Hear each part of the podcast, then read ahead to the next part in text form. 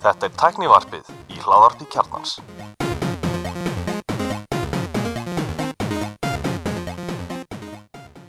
Komið í sálblessuð og velkomin í tekniðarpið. Ég heiti Guðlur Reynir. Og ég er Alli Stefan Við erum með góða gest í dag, Gísli Einarsson, Vestlunumæður í Nexus Komið sælir. og Þóraður Þórumsson, blaðamaður og, og mikill stjörnustriðs áhugamaður. Jó, blessa þér Og þið voru, voru þið ekki með eitthvað fyrir tveimur árum þegar við fjöldum um The Jú. Last Jedi. Alveg, pottið. Eru tvö ár síðan? Já, já, við ár höfum, við höfum allavega Það fljótt að líða. tekið eitt snúning á Star Ja, Wars við, ári við höfum tekið þær allar, allar þrjár, þannig ákveðin að klára Ekki ég, ég var nefnilega reyfið upp Ég var ekki í við teknivarpið. Sko. Já, en ég, ég, ég, ég var er reyna mununda núna bara, En ég held að ég hef ekki verið í Last Jedi Þættinu Nei, þú varst kannski bara í hérna Fossa Vegans. Ég var í Force Awakens með Tók, Hans svo tókum við hérna, svo tókum við hérna Rogue One líka, hún var hérna í Jólaminn líka. Já, hún tók við Rogue One með hérna, uh, Hvað heitir hún, doktor Helga? Tóttur Helga, já. Helgu. Það voru við alveg svolítið mörg ekki? Voru, voru við ekki alveg fimm eða sex eða eitthvað Já, örgulega.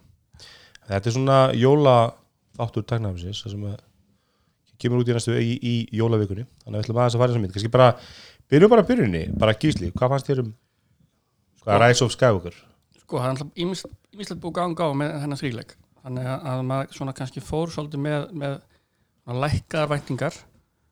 En, en ég samt vildi samt ekki vita alltaf mikið af spoilerum, en svona, maður var svona hóflega, hóflega svartsýn á að þeir getu lokið þessu sæmilega.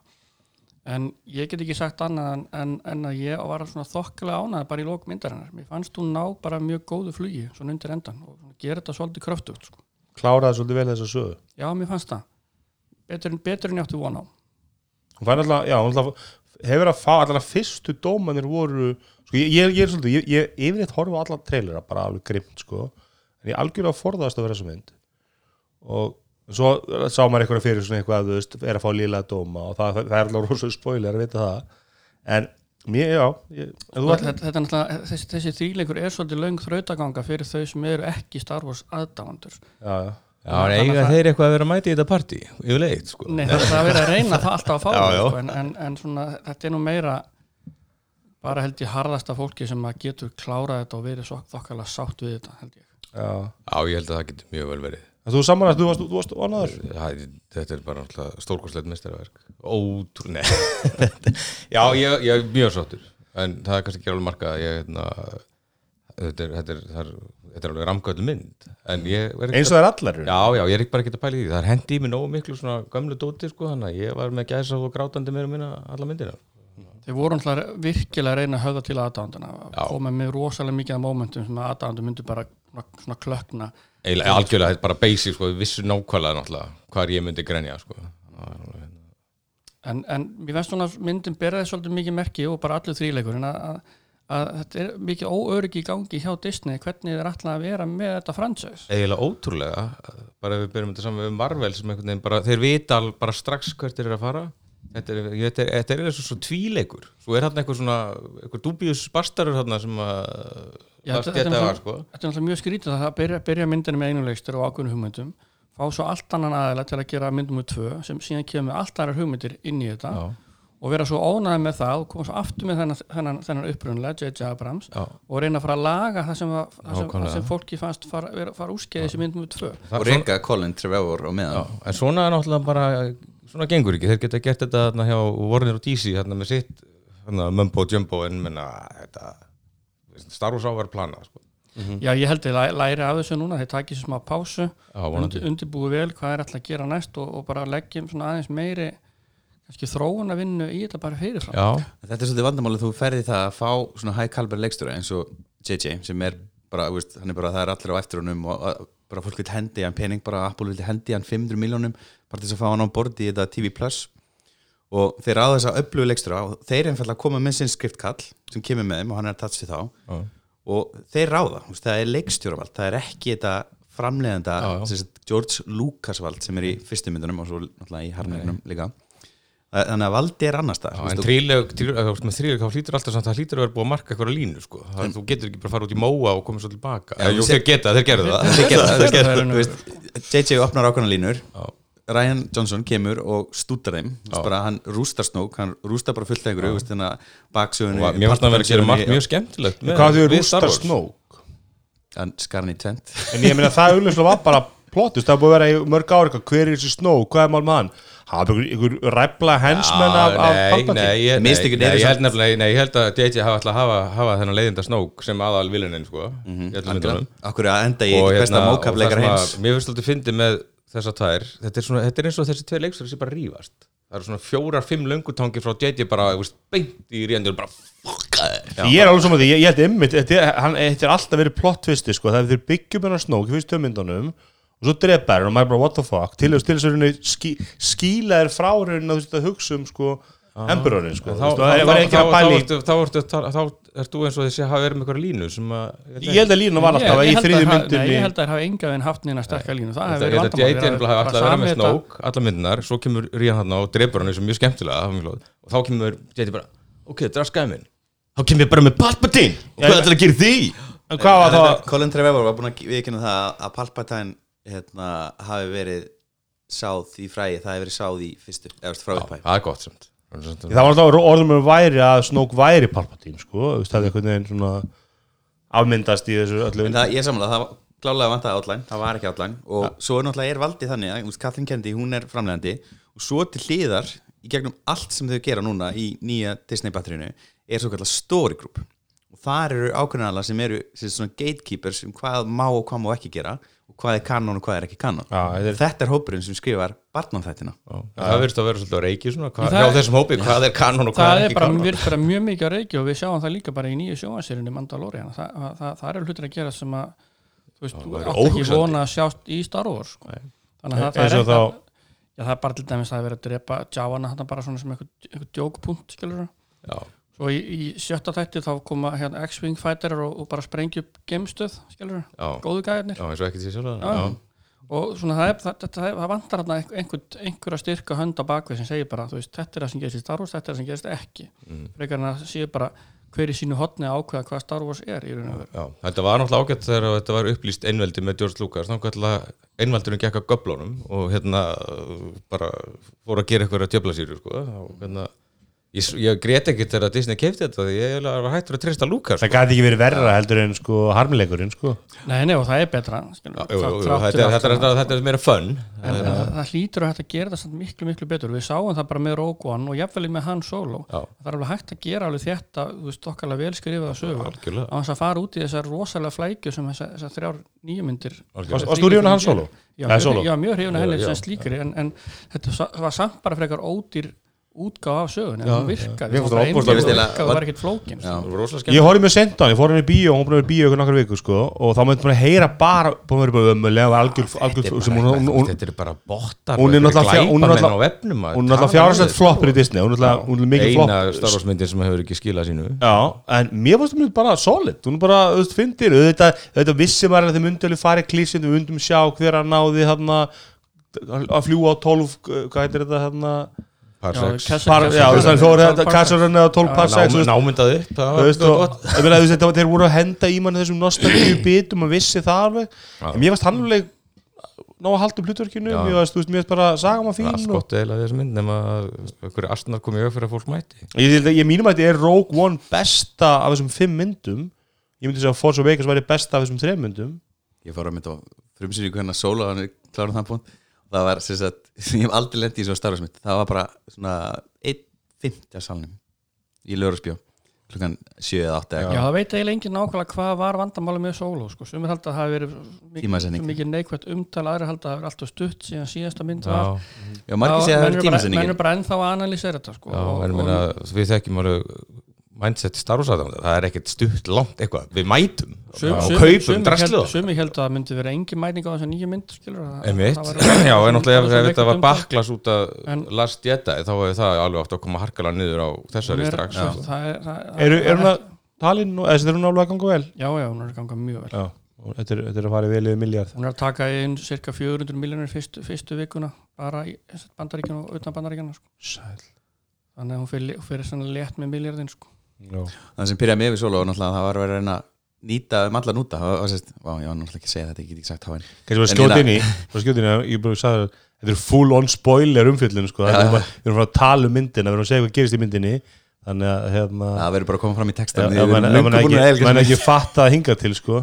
Nei, Já, En við ég erum erum ekki ekki búin að segja neitt Við erum ekki búin að segja neitt ekki sko. Ég held að við sem búin að vanda okkur Já, ég, Ekki- en, full on spoiler hér eftir sko. Þannig að við getum talað um alveg um myndina. Mér finnst einmitt vera sa, sa, svolítið sama í þessum þríleik að það er verið að búa til ómarga þræði finnst mér með því að vera með yngra og eldrakasti í sama þríleik og það er verið að- binda nút á allt saman þú veist, Og við- loka öllu. Við sjáum það bara í þessari nýju mynd að þau, þau vita ekki hvað er að gera við helmingin af leikópnum Nei, bara búa til einhverja fléttu sem skiptir einhver engu máli. Nei, bara, bara- til að, bara til að hafa einhver, einhverja sögukerslu í gangi sko. Nákvæmlega, fléttan er bara eitt MacGuffin utanum bara við þurfum að fá það og við þurfum að fá svona töff og svona töff. Sagan, eldast við veist, þetta er fjársjóðsleit, þetta er film og fagur ég, ég er náttúrulega að segja Goonies. gammal, roleplayer mér fannst að vera svona eins og roleplaying hugmynd sem að hérna DM-in bara fokkaði upp kvöldið áður og náði ekki að fylla alveg upp í og bara ég ætla að klára það bara morgun þegar við tökum æfintýri en svo er kannski bara kjarnin alltaf að sá að þú veist, er ekki bara J.J. Abrams bara, er, er nú góð leikst er hann eitthvað, þú veist, átt að velja hann þetta er, ekki, þetta er ekki leikstjórna vandamál þetta er handrit af vandamál. Já, þetta er bara það að geta ekki sest niður og slípa til handrit frá byrjun til enda áður en þú byrjar að skjóta og, og, það er og gera alltaf mynd líkil það hefur alltaf verið líkilinn Það er alveg- og hann er náttúrulega er handlisauður ásamt einum öðrum. Jú, ég meina, ja, hann, hann er alltaf um puttin í þessu. Ég meina, þú veist, maður horfir yfir, yfir bara kredit, eða hérna filmografínu hans bara á Wikipedia. Ég meina, það er engin mynd, þetta er frábær mynd. Þetta er, veist, hann á enga mynd sem er svona Nei, nei, þetta þarf eitthvað þannig gaur til að leika sér starfur það er bara, það er bara góðan hérna, kraftsmann með gott handrið ég það meina, ætti ekki að þurfa sko, listræna frelsi er ekkit mjög mikið innan svona yðnaðar þú, veist, þú, getur, þú getur ekkit farið út í einhverjar, einhverjar rosalegar hérna, pælingar eða, eða þungar senur og, og, og einhvern existentialism. Þú, þetta er að á að vera afturreying fyrir ég meina fjölskylduna. eins, eins og eins og, eins og, hérna Reytis Olva Stark, það er með frábær leikstjóra Steven Spielberg, Já, við erum að tala um allt, allt, annað, allt annað tímabil í sögu kvikmynda. Já, já. Getur ekkit borið Reytis og Lost Ark sama við einhverja myndi í dag. Reytis og Lost Ark er þið aldrei gerð í dag.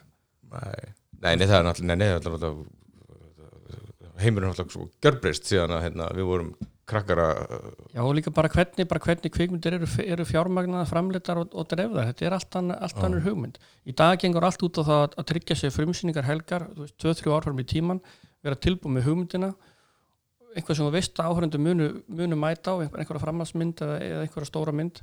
Og það, hvernig þú ætlar að gera myndin er oft bara svona seinasta sem hún pælir í. Hvað þá, hand, hvað þá að fara að skrifa eitthvað hvernig, hvernig myndin verður, það er eitthvað þetta aðlatri bara að negla Bara hvenær hún er hún frumsýnd fá skilurðu? kínatengu, hafa og, kýmverðar hafa og þú ert búin að ákveða hvernig myndin er frumsýnd áður út með eitthvað handrit. Ég meina það var svolítið, það var svolítið mynd líf og feith að fara í Ryan Johnson sem leikstjóra og, hérna, og handlisönd uh, út frá Disney náttúrulega sko, formúlinni þetta, var, þetta var hugmyndin þar upprunlega þegar myndu sko gefa leikstjórun svona einhverju leikstjóri handritu teimi svolítið frjálsar hendur fyrir hverja mynd fyrir sig og þeir voru að hugsa um þetta líka fyrir, fyrir stakar myndir með, með allsughautjanum Mhm. og ætluðu að fara einmitt ekki marflegina það sem, að, sem að er bara svona ein stór framleiðsla í gangi sem að framleiða allan pakkan sko. Mhm.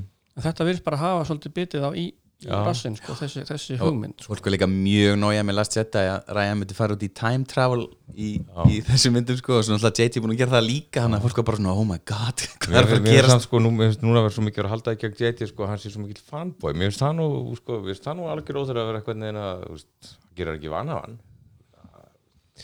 Nei, sko, ég, veit ekki, þú veist, ég meina, maður er sé, þú veist, þú veist, nú er komin nýju myndir, skilur, og þannig þú kannski tala byrja alveg um myndir, að, þú veist, maður horfður þessu nýju myndir, þú veist, þetta hefði verið að gera, þú veist, alltaf, for, formyndundar miklu, miklu betur, og það hefði verið að gera þennan þríleik, er tíu tíma saga, níu tíma saga, já, næstu tíu tímar sko. já, þú veist, og þú getur hefði getað sagt flotta, episka sögu, og, og þessi hóp, þessi hóp tókst það bara ekki. Nei, nei, Þú veist. það er alltaf að gera betur sko. Þetta er fína Nei, myndir, meina, texta, ég, þeir texta ekki þeir bara, já, frá byrjun þá eru þeir ekki eins og með sögu fyrir allan þrýleikin Nei, eru nei. ekki eins og með bara, þú veist, frekar þétt átlæn fyrir alla, allar þrjár myndinar þetta er bara meira bara, gerum fyrst eina mynd svo erum einhver humdu hvern mynd um tvö verður Mhm. og enga humdu hvern mynd þrjú verður og svo vinna sem bara í gegnum þetta. Og þetta verður svolítið mikið samsöða Já, af ýmsum hugmyndum sem er í gangi. Ég- mikið svona óöryggi í handritunum Svona rós þarna, frekar ábyrjandi karakter í Last Jedi sko Alveg bara, veist, verðst út í hodni Hún var alltaf mjög komið nýgella hérna núna á hesti. Já, já, hún var alltaf með umdelt í, í, Já, í, var margir sem bara og ég, ég held ég hef nú sagt það í þegar við tókum í törum mér fannst nú svona blend karakter mér svona myndum á enni hérna Arrested Development þú veist, og svona, þú veist, það var ekkert aðinni en finnst hún, þú veist, mér og það kannski spillar þegar sögu ásinn sem hún er í myndi er að leiðilegsta við Last Jedi þau fara hann í kasínu og þetta skilur þannig að ef- þú hefur kvötta Já. út eða þá stann söguþráð þá er alltaf kvötta hann út í leiðinni. Þannig að kannski það spilar inn í skilur og maður sér alltaf bara þegar hún fær ekkert stótt til þessari mynd hún er svona ykkur bakgrunn hlutverki Já, sko. var kannski bara að sleppir alveg. Og en, en, en svo hinleina sko, mér varst að margt í Last Jedi sem var mjög gott, þannig að eins og þessi, þessi svona, ég ætla ekki segja þetta samband Rey og hérna Jú, það, er- það, það er það er eitthvað svona, gott í öllum sem við taka alltaf flott í sko. þessari mynd núna Já, halda því áram Þú veist, og það, ef það kemur frá Ryan Johnson skilur, það er margt sem hann komið inn í söguna sem var með snuðut og mörgum þegar bara betra hann er bara fengið að Ég var gera náttúrulega þessar- svolítið hrifin af öllum þessum afbyggingatilhörnum hans sko, að taka aðeins niður þetta Skywalker og Skywalker aðals fólk og svona Mhm. og The Force var ekki einhvern veginn bara enga eign þeirra og svona alls konar en það er náttúrulega því að það er alveg búið að það er bara rífars alveg bara Já, já, Já, já. ég, ég, það ég, er reynilega fór ég, illa í aðdóndir sko. Já, manni finnst svona svolítið að, að jú, jú, auðvitað eiga kvikmyndu verið að hlusta á aðdáðundur og hvað þau eru að segja, sko, en, en við meðum ekki gleyma því að sko, internet umræðin, hún er svo dóminir af öfgum, að, að, hérna, að þú farðir henni verið sko lægstu prósentuna af, af fólkinu með mestu öfga skoðanar, það er þau sem heyrist mest í. Já, já. og, og um leiðu fyrir að taka eitthvað marka á því endilega Já, og fara að vera, hafa einhver ágjör af því þá ertu hættur að treysta eigin, eigin sko. innsægi sem framlegandi eða, list, eða listamæður eða höfundur sko. og það held ég sé mjög, mjög hættulegt Já, það er það fyrir, fyrir listina bara sem slíka sko. Fyrir það náttúrulega, þetta ber mest á þessum sem að garga hæst og verið heimskastir, þetta er bara virkilega aðtöðasendum að þykjast það að vita á Star Wars og það hlustaði á það, sem er alltaf alveg galið sko, rugl. En svo er þetta bara, bara fólk bara núna er orðið, þetta er svo, er orðið sem ekki neitt en það réttur, sjá þetta með Game of Thrones. Sjö sísón, allir að missa svo gaman. Svo bara skýta þér á sig með sísón eitt þá bara, eru bara miljón mann sem heita þetta var ekki svo ég vil hafa þetta hvað, á að gera miljón útgáfur af öllu þessu drasli svo hver og eitt sé ánæður og haldi kjátt á netinu Já, það hægt? ég held að þetta að gagna þar hafi verið þetta er ekki eins gott á fyrstu sísónin sko. þetta er eitthvað sem fólk vildi persónuleikara sko. En það er alltaf hluta þessi er alltaf bara það er svolítið vandamöld með með J.J. Abrams hann er mikil svona mystery box maður ég er alltaf, alltaf að gengur svolítið út þessu mystery box hugsun sko, hann er setja um flóknar vísbendingar og, og, og svo kemur hann aldrei með svörin almennilega, skilur, það er erfitt að hann er svolítið að gera það í Star Wars líka sko, og, og þú veist þá er þetta snók endurinn í last þetta eða fullkomin með það sem JJ hefur alltaf gert með að lost þræðina opna þræði og svo bara fara þær ekki neitt sko. Já, ég, ég, ég hef nú ekki trú að að þeir hafi sko farið að gera Last Jedi og það er bara verið algjörlega bara öfugt það sem að J.J. Abrams setti en auðvitað fór hún einhverja slóðir sem að, en ég það lítur fyrir þannig að það hefur alltaf verið planið frá fyrstu myndinni og hún væri ekki Skywalker, heldur hún væri þú veist, nafnið Rise of Skywalker er um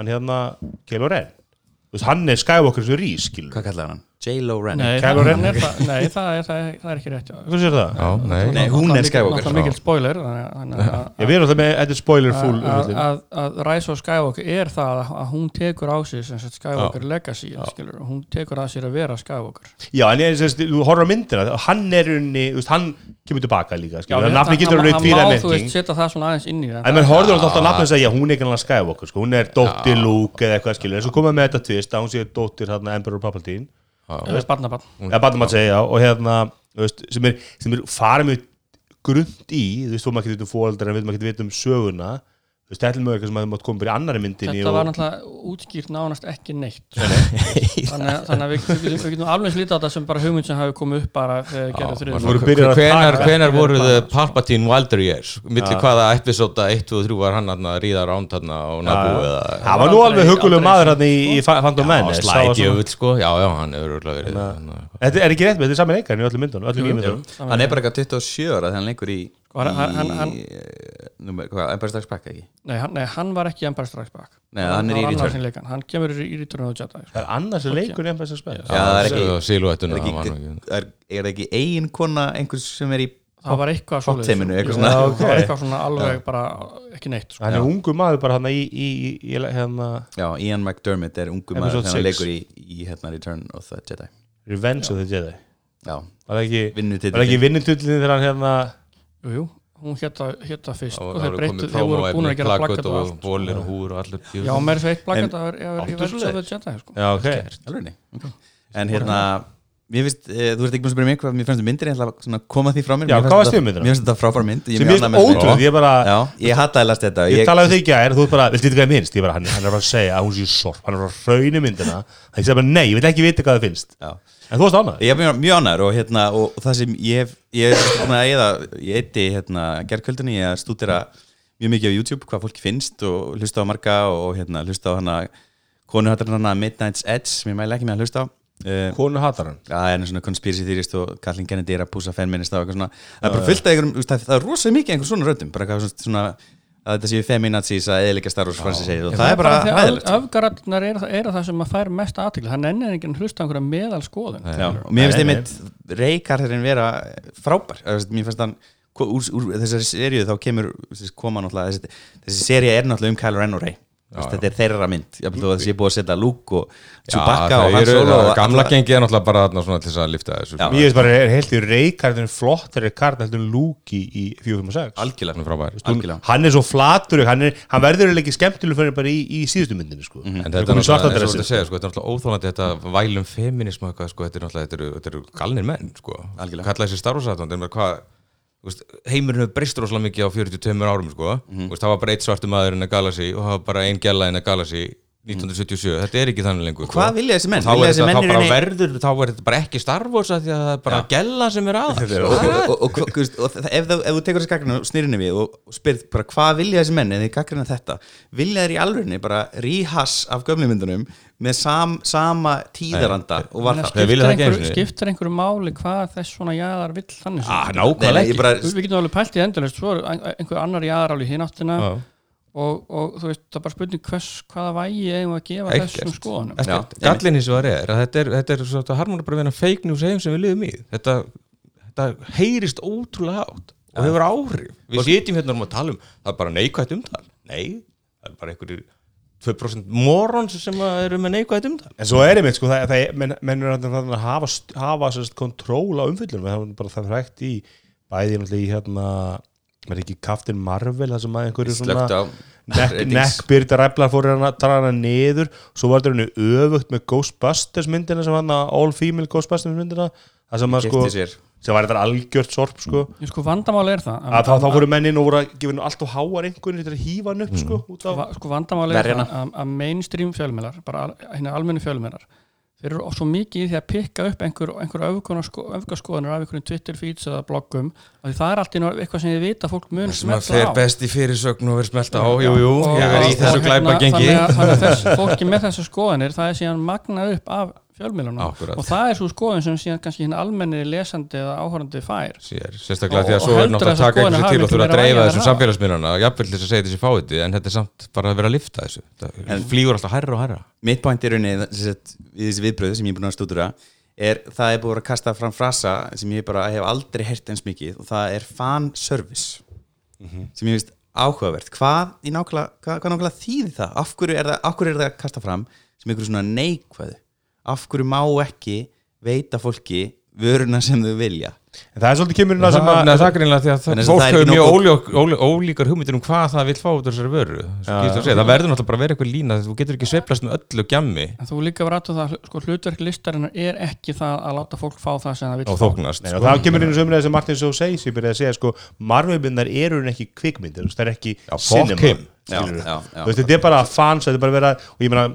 hefna, Avengers- myndar þannig að tvær eru svolítið gott dæmi um þetta. Þú veist, virkilega bara að láta þau fá að sjá það sem þú vilt sjá, ég, man í, í loka atriðinu á, á endgame þegar allar hetjun og komu og sér bara já, allar leikara sístu 20 ári í Hollywood mæta hann bara í búningum sko maður fekk bara, þú veist, því líka gæsa þú, þetta var geðveitt atrið þetta var algjört fanservice Já, ég fikk líka allt sem ég vildi fá í loka montasin í Godfather þar sem allir voru drefnir og að vera skýra barna með það það var bara akkurat það sem ég vildi fá nákvæmlega Hvað, er það þá samt listaður sko bíómynd en ekki endgame og lokaðri í One sem er besta atrið sem við erum gert í þessum nýju stansmyndum Já.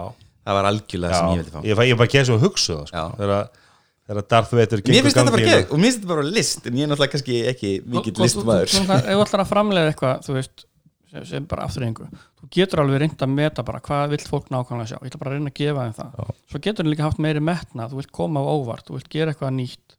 Þú vilt hérna koma þú veist, fara að taka einhver skref áfram. Skilur frekar að vera bara fastur, fastur í stað. Sem hefur oftast virka hinga til. Þetta er svo, veist, svona testscreeningar og svona. Þegar það fara að elta yfirleitt, sko, þá koma dödd, sko, myndin að slappa. Svona- design by committee Já, sko. það er að bara, það virkar en, aldrei og sko. svo einu, na- veist, og þegar bara þegar Perfection kom allir bara, wow, hann segir sögun í greiði röð, eh! Já, ok, þetta kom ykkur óvart. Ef þetta er bara í testscreeninga er það ekki besta dæmi um svona test screening failure? Já, já, já, en svo alltaf ertu þú það er svo lítið svígurum fyrir bara leikstjór eins og Tarantino allir með myndar sem hann gerir í sumar að þú veist, svona myndir koma ekki lengur í bíó. Nei, það er alltaf, það er alltaf og við vitum við erum ekkert sko, en ég myndi samt segja að svona þessi listarinnar kvikmyndaframleysla hún er að færast bara frá Hollywood sem síðan massa dreifir listarinnar framleyslu sem eins og þið gerðu, Já. vönduðu myndum. Yfir bara þetta bara dreifist á fleiri aðila sem eru bara með minni dreifingu í staðin og þú þá hafa aðeins meira fyrir því að finna þessar myndir. Já. það er ekki, það er ekki bara í vilt 17 sjá sölum það þá finnur það náttúrulega, sko.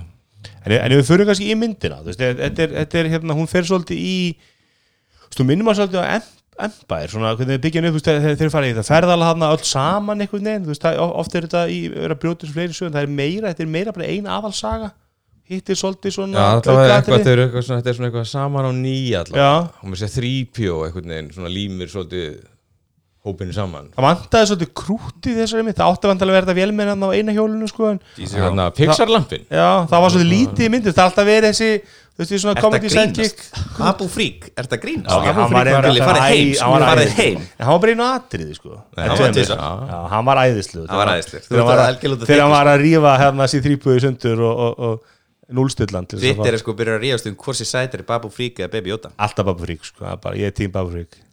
Ég myndi að selja meira Baby Yoda sko. Ég held að Baby Yoda selst betur en, en, Baby Yoda er miklu Babu stærri. Frík var mjög skemmt Það er einn við trénu mér. Það er líka besta sem sagt, við Baby Yoda er að sem sagt, og svo lína sem er það ætti að fylgja í Star Wars Constitutionu er að láta ekki krútin tala. Þú veist, eins og með Ívokana ekki láta það tala. Þú veist, Jar Jar, ekki láta Hjartir var ekki krút alveg saman hvernig hún lítur á hann, en ok. Jú, jú, nei, áriðsettir En þeir fara, já, þeir fara, fara þessi við Það er alltaf einhvern veginn, sko, það er eitthvað að gerast. Nú, nú, nú er það þessi risa floti af, af, af startistum og loksins standa startistur undir nafni. Gaman að sjá startistróðir aftur. Ég vil voru eða Voru ekki glaðir? Ég, ég veit það ekki sko Mér finnst- alltaf svo vandrarlegt hvernig þetta er svona, það er alltaf að fara að toppa síðustu mynd sko. Já, en að nú er allir með Planet Destroying byssu Já, fyrst var, fyrst var ein, þetta er bara eina planet í einu svo kannski fjóra og fimm og nú kannski tíu þúsund þannig að þetta, er- þetta er bara mér finnst allt svona að vera svolítið komið í rugl sko. Veldisvöxtur og mér finnst Marvelið mitt passa svo svolítið þessu að það, það þurfi ekki alla myndina að vera um það að bjarga út, alheiminum Öllum, sko. já, alveg, já, já. Veist, stundum er þetta bara einhver eitt gaur með eitthvað fyrirtæki sem að- sem þarf að berja Sem þess á. að-. Spennandi. Já mjög, það er mjög gott. The Wall Street. En þeir, það er alltaf sko, þú veist, þeir hafa svo kannski og munu að leifa sér meira svoleiðis í hinum myndir og ég vona alltaf þú veist, að, að sé verið það vinsætt að við sjáum alls konar starfsmyndir. Við sjá, eins og við höfum svolítið séð í Marvel heimina sem við gefum bara sko með alvarlega myndir og svo kemur bara Þór 3 sem er bara algjör grínmynd og bara mjög fyndin og skemmtileg og hress og, og, og þeir leifa sér alveg og jafnvel þú veist þótt að Þór myndið fram, fram að því hafi verið til dæla alvarlegar og bara, bara rýbútar í, í þrjú og bara eitthvað skemmtilegt sko. Já, ég held að við, það sem við sjáum núna er að Disney er svona að halda aðeins, að sér höndunum sko. þeir eru ekki byrjar í framlýsla á neinu, neinu nýri bíómynd. Þeir eru bara svona að tala um hvað er allir mögulega að gera.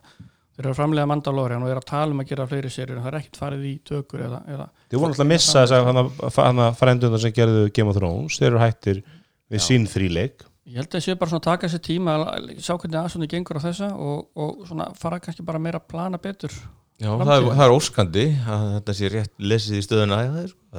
Ég var til í að fara, sagt, sjá þetta bara fara í tvær áttir. Ég var rosa ánægð með að sjá allan að þessi myndaði fengi PG-13 Þú veist, ég- Ef hún hefur verið PG þá veit ég hvað ég hef gert sko. Það er bara líklega henni sko. Nei, ég, held Ég, að, ég vil fara í fullorðast Star Wars Ég vil fara í barna Star Wars. Mér sko, finnst ég held að, barna að þeirra- sögópurinn, stórihópurinn Hann er barnanþátt handritsöfundur Og þeir eru byrjað að stýra öllu saman. Ég vil aðskilja þetta og ég vil fá meira Mandalorian er Rogue One svolítið og að minna engjast þarna á milli að vera batna og svo alveg bara taka svolítið grísli inn á milli en, en, Nei, ég held sko að stóra vandamáli fyrir Disney hafi verið að þeir hafa fattað það með sól og þeir gátt ekki fara framleins margar myndir Nei, eins og þetta er, það, að er hægt, að- það er hægt að grunna overlóta og þá hafi planið þeirra svolítið farið á hliðina sko. og nú séu þeir raunar að hugsa sko, hvað, hvað getur við búið upp á stárásmynd á margar ára fresti í Akkúrat. raun og veru? Já, og líka langaði því eitthvað meira sólo Þeir ná þeir ná að loka öllum útistandið þráðum með sóló. útskýran alveg Ég ég er til í solo. Já, ég var bara eitthvað, en good sko Ég er, ég er hardcore aðdándi ég fer á þetta allt saman. Akkurat. ég er ekkert meðal áhörandin í bíó hvað þetta var þar Já, ég var að, ég finnst ekki, ekki gaman þegar það er ekkit eftir til þess að rannsaka það er alltaf, sko. það er alltaf eitthvað og þá voru framleitar, þá voru skrifað skáldsögur um sóló hérna, hérna í ganlega dag, þá voru, þá voru myndasögur það er endalaust að gera einhverja sögur veist, um karaktera já, Mm. það er bara að gera góða sögu svo er spurning bara hvort þú getur actually framleitt eitthvað sem að stendur undir því að, þur, að, að hún þurfa að taka inn, þú veist, þúsund miljón dollara Já, í já. skilur. Mhm. þetta er kröfunar böggur, í dag og taka hann upp tvisvar Já. Þannig að, þannig er eins og sko, stúdíunum finnst þau þurfa að vera með einhverja rosalega hugmynd til að fá inn þessar tekjur Mér ætla Það fyrir verður mitt að- leiti, verður að það var sem alveg áður. það er rauninni, þeir taka allt sem var í gömnu handritunum og reyna að svara því einhvern veginn og útskýra bara, þeir frekar að koma bara með góða solo sögu. Og það er vandamáli En það er það ekki máli samt- þá þau hafi verið með grín leikstjóra og ekki ná að búið til slapstick mynd úr solo sem þið ætlaði að reyna að gera eða hvað sem þetta átti að vera. Einhver það solo fyndnasta projekti fór allt í vaskin meira að vinna, við vitum það. Já, Þú veist, en sagan undir- merkilega góð neinu, útkoma með við allan miðað við það sko. En var ekki hugmyndin svolítið um að taka eina svona origin story sko? Og svo getur kemur næsta mynd þá færi bara hér er eitthvað solo ævintýri sko ég veit ég- að þau Boba Fett var næstu ég, sko. ég hugsa að Marvel hafi- eins og Disney hafi haldið að þeir gætu komið með sko 34 myndir á ári eins og þau voru að gera með Marvel. Það og ætla að við það, og við það að sjá solo það að þið myndir gætu það ekki þá náttúrulega fer allt bara Já. all hugmyndin bara svolítið í vaskin hjá og endilega fara þess að skoða sjónvambið þá þú veist að, að þið getur mögulega verið að hérna, svara einhvað þessari þörf með sjónvastáttum Já, ég hugsa það sko það er kannski meina mynd ári og eitt sjónvastátt að serju þessu núna pæliði sko, hvað getur sett mikið efni á Disney Plus rásin okkar? og hvað kostar að framlega það og hvað, hversu marga klukktíma getur við gert? Og hvernig getur við, hvernig getur við nýtt sem Star Wars áhuga en ekki, en ekki ofbóðið markanum eins og maður segir en, en hérna viti með, með hérna að leiðu aðrin er þetta allt töluteknað eða voru tókun einhver atrið áður Nei, og dó var þetta eða? ekki bara, var þetta ekki bara einhverju afgangsklippur? Öll- mér fannst hún svolítið alltaf verið þetta var, var alltaf sama sama leiðan, alltaf sama senan alveg. Já, þetta er svo, og það sem hún Já. sagði mér mér varst atrið þannig eins og hún var að segja þetta og svo skrifuðu atrið kringu það þú veist Ég Ég held hugsa, að- ég hugsa að það hefði svolítið verið þannig. Þegar Já. átt einhver, einhver, einhver dialog einhver- með henni og, nota, og bara skrifið kringum hann Já. og síðan breytir rest en þetta er alltaf að vera betur og betur þessi tölutækni ef hún er töluteknað þá fannst mér þetta mjög gert. Mér varst þetta mjög illa gert þegar hún var ung þeir þurfu ekki að teikna henni bara vararhefingarna þeir sá bara hvernig hún var alltaf Já, alltaf Já. sko, og það einu sem þetta gerir var bara að animera nýja, nýja vararhefingar það er, ekkit, það er ekkit svo erfitt sko. og finna einhvern sem hljómar eins og hún. Já. já, en svo, ég- svo komu atrið sem voru bæði Luke og Leia ung. Og mér varst Leia mjög ósamarið þar. Ég, mjög ólík sér. I loved it. Ah, mér það finnst hann bara, mjög eitt- það var bara eitt skot skilur það Já, já. Ég- Já, já. En- Frá- Sást ekki fyrir þér cover á hérna, Splinter of the Mind's Eye hérna, Jú, jú, þetta var þetta var það? það var nákvæmlega þannig sko. Já, við erum þar sko, Þú veist, Já. ég get fengið gæsóða öllu sko. fyrir þau sem ekki vilja Splinter of the Mind's Eye er sem sagt fyrsta skáldsaga sem var skrifuð eftir fyrstu starfmyndina já, ok. Hún var skrifuð af Alan Foster og hérna eftir hugmynd Lucas þetta var í raun og veru sko hugmyndin að sequelinu að Star Wars. Svona low budget sequel svo þegar Star Wars gekk svona rosalega vel þá kastaði Lucas þeirri hugmynd bara í, í, í Alan Foster og sagði bara skrifaði bara hérna bókum þetta og fór síðan að plana Empire mm, Það er sko. ok. Já, hérna, það var mjög fallegt cover þau voru svona, þau voru svona eins og þarna bara og svo var svona, veit er þarna bara því f- sjá þetta bara Google Já, þetta bara. Google Já. Ég fikk nú stingi maður þegar hérna, þeir eru hérna í, á Burning Man plánutinu og, og maður á að halda það að Chewbacca sér dáinn Já, þau hugsaði bara shit, ok, þeir ætla þess að drepa öll, alla legacy karakterina mér Bara- það mynd rosa cool move. Ég er bara eitthvað, wow, ég, ég bara, ég trúi sér ekki upp á Disney. Já, þú veist, þeir hafði bara með, þú veist, ég er alveg saman það mátt drepa Chewbacca en með eitthvað ég hætti meina, en þetta Chewbacca drefst ekki- svona. Nei, þú að, springur ekki bara ma- einhverjum- ma- ma- Ég pissaði ekki á mig á hérna sjokki sko. Keypti ekki eina sekund Nei, nei, nei, Nei. bara sorry. The Mighty Chewbacca. Nei, það var alltaf leið, hún held það, það var aðalatrið hún held það,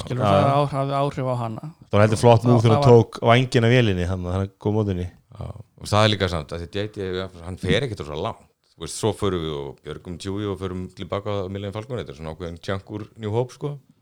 Og svo bara, alltaf- bara endur þetta bara þetta, var, þetta var alltaf bara fyrst og fremst bara léleg handritasmíði, hvernig þið létuð á ná Chewbacca já, það var bara svona, látum bara, látum bara rölda ávart eitthvað út já, og og fá svo þetta. bara. maður fer aldrei neitt solo þetta sko er á maður sem þessu. búin að lifa af hérna síðan þú veist, 1977 í bíómyndum Já, skilur. hann, hann fór út sko að ná í rey sko og þeir eru bara hinum einn við hólinn frá skipinu þar sem allir hinir eru.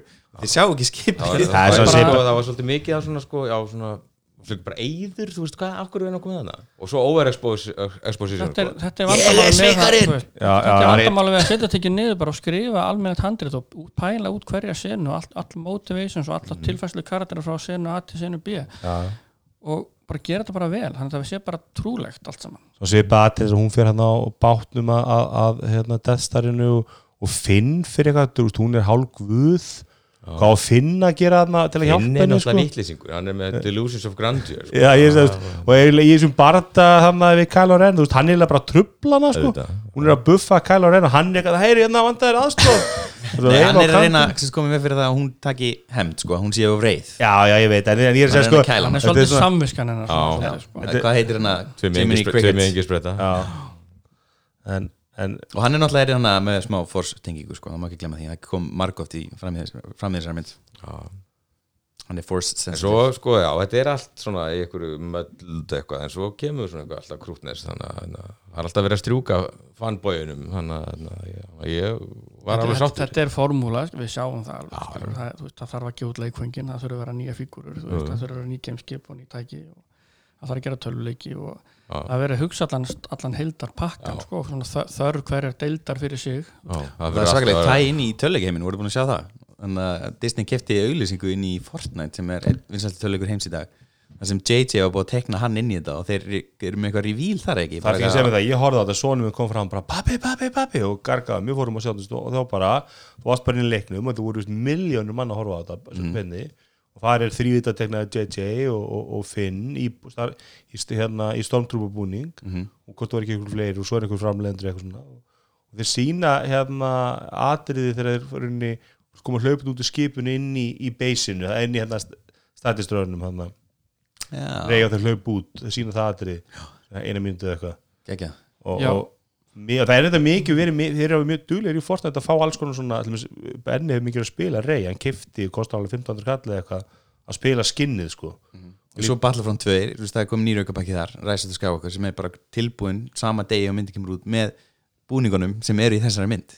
En það gefur svolítið svo að segja það sko, svona eru myndir ekki gerða lengur, ég, ég held að þú veist, þú hlýtur alltaf að það hlýtur alltaf að vera betri business að búið góða myndir heldur en mediocre myndir þeir þeir auðvitað alltaf að gera góða mynd. nær þessi mynd einum hálfu miljardi en kannski er ástæð fyrir að fólk er ekki til í þrjár starfsmyndir ári að þeir eru ekki það góðar skilur ef þú væri geðveikar, ef þessi myndi væri bara veist, ef, ef að Force Awakens er bara jafn góð Avengers fyrsta, skilur, þá hefðu menn alveg viljað fjórir viðbútt því ári sko. mögulega, mögulega, við vitum ekki nákvæmlega af hverju veist, þetta plan Disney gekk ekki upp en það, bara, vir- en það, en það enda á því að það, það var bara ekki markað fyrir svona marga myndir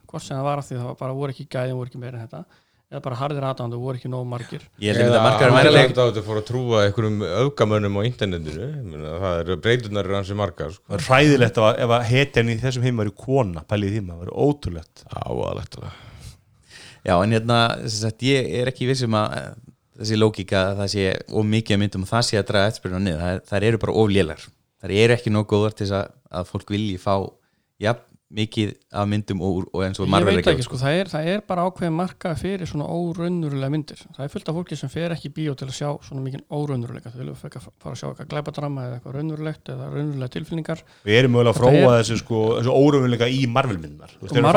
Marvel-myndunar nefnilega einmitt slóðu í gegn vegna þess að það er, það er jartengdu þessu strax svo snemma sko. bara strax með Iron Man nr.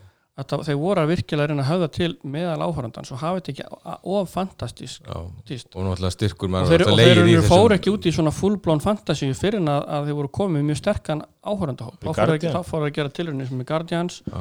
svo náttúrulega endar þetta í hlutum eins og, eins og, eins og, hérna, eins og Thanos sögunni sem er náttúrulega bara alveg algjörlega átir það er sagt búið að byggja upp þól fyrir stórum Já. fjólubláðum munnum sem geta drepið helmingin í heim, heimilum Já, mínu það er líka, þetta er styrkur líkur, líkur alltaf í kjarnanum í, í hetjunum sem eru svo breyskar, sko, þetta eru hérna alkoholistu rageaholic og, svona bara brotið fólk einhvern veginn sem að þarf að mæta þessum fjólublaða Já, já, og svo við líka bara voruð rosalega duglega að velja flotta leikar Ábúðslega vel kastaðan. Eða bara rosalega heppin, skilur að- fullt af fólki var að fara á- á- þorminn bara því fíluðu leikar og ekkert endilega spáið þetta að vera part af einhverju gigantísku Marvel heimi er það ekki hérna, þessi stórkostlega redding hérna, þegar DC klúrunni öllu Aquaman bara fóru bara alla konur í heiminum að sjá hennan Momoma hérna eitthvað bera nú á, skipti einhver máli hvernig myndi það nei, þetta. Er, þetta er eitthvað sem virkar á suma það verðist þeirra mikill munur hann eins og ég, þú stútt með DC og það gengur ekki nógu vel. En, en ég, ég myndi samt segja sko að, að, að mér finnst engin sem þrem mynd, eða sem fimm mynd sem við gera hræðileg. Og þú veist, Force Awaken ég er úrklættur að horfa horfa hana aftur, ég get alveg horta þessa mynd aftur er svona, hérna, Last Jedi svona myndi sem ég myndi minnst vilja horfa aftur. En það þarf ekki að horfa á hana, það er, það er ekkert sem gerist þannig að milli eiginlega. Það var sem skiptir máli Nei, nei, til þess að tengja saman Force skemmtilegt, Awakens sko. En langar maður Skywalker. bara að sjá meira Star Wars skil, þá horfa maður, ég er búin að horfa fyrstu fjóra, eða fyrstu þrjár, skil, episode 4, 5, 6 miljón Last ég þetta bara skipar þessu veðleipa bulliðinu sko þrónrúm bardaginn í henn, last ég þetta er frábær. Það er margt gott til að hérna, að er er sem er að að og hæja á því það er rosalega lélegt þú veist sporlega séð. Ég, sta, ég það staðna í tölvuleikjum sko í Wolfenstein 3D en ég vissi ekkert hvað var að tala um áðan og ég fer að líta á þetta YouTube sko, ég horfði bara á þetta en sem sagt, e- ef þú fylgist með að því atriði og horfur það kannski á aftur það það. eru menn bara sem eru að sveifla einhverjum sverðum bara, Ég held ég vilji ekki sjá þetta sko. Og hvernig- náttúrulega ég þekki ekki þess, þetta, þetta immersiveness sem, sem YouTube og allir þessu umfyllum býður upp á þú getur einu allan daginn verið að horfa á einhvern tala um Star Wars eða, eða gera eitthvað efni um Star Wars Já. og það er bara spurning sko hversu oft getur maður verið að spóla í sama hjólfarinu þú veist, endalaust og tala um sama hlutin aftur, aftur, aftur sko. Endalist hvað nennir að horfa á mörg þú veist, rage YouTube-vídeó um hvað þessi, þessi Star Wars mynd sé ömuleg Það er náttúrulega þessi, það er náttúrulega þessi svona, þú veist, þetta er rosalega mikil stemming fyrir þessu, sko, að, að þú veist, bara eins og núna, það er rosalega mikið tölvuleiki spilindu sem eru hættir að spila tölvuleiki og horfa bara aðra að spila tölvuleiki.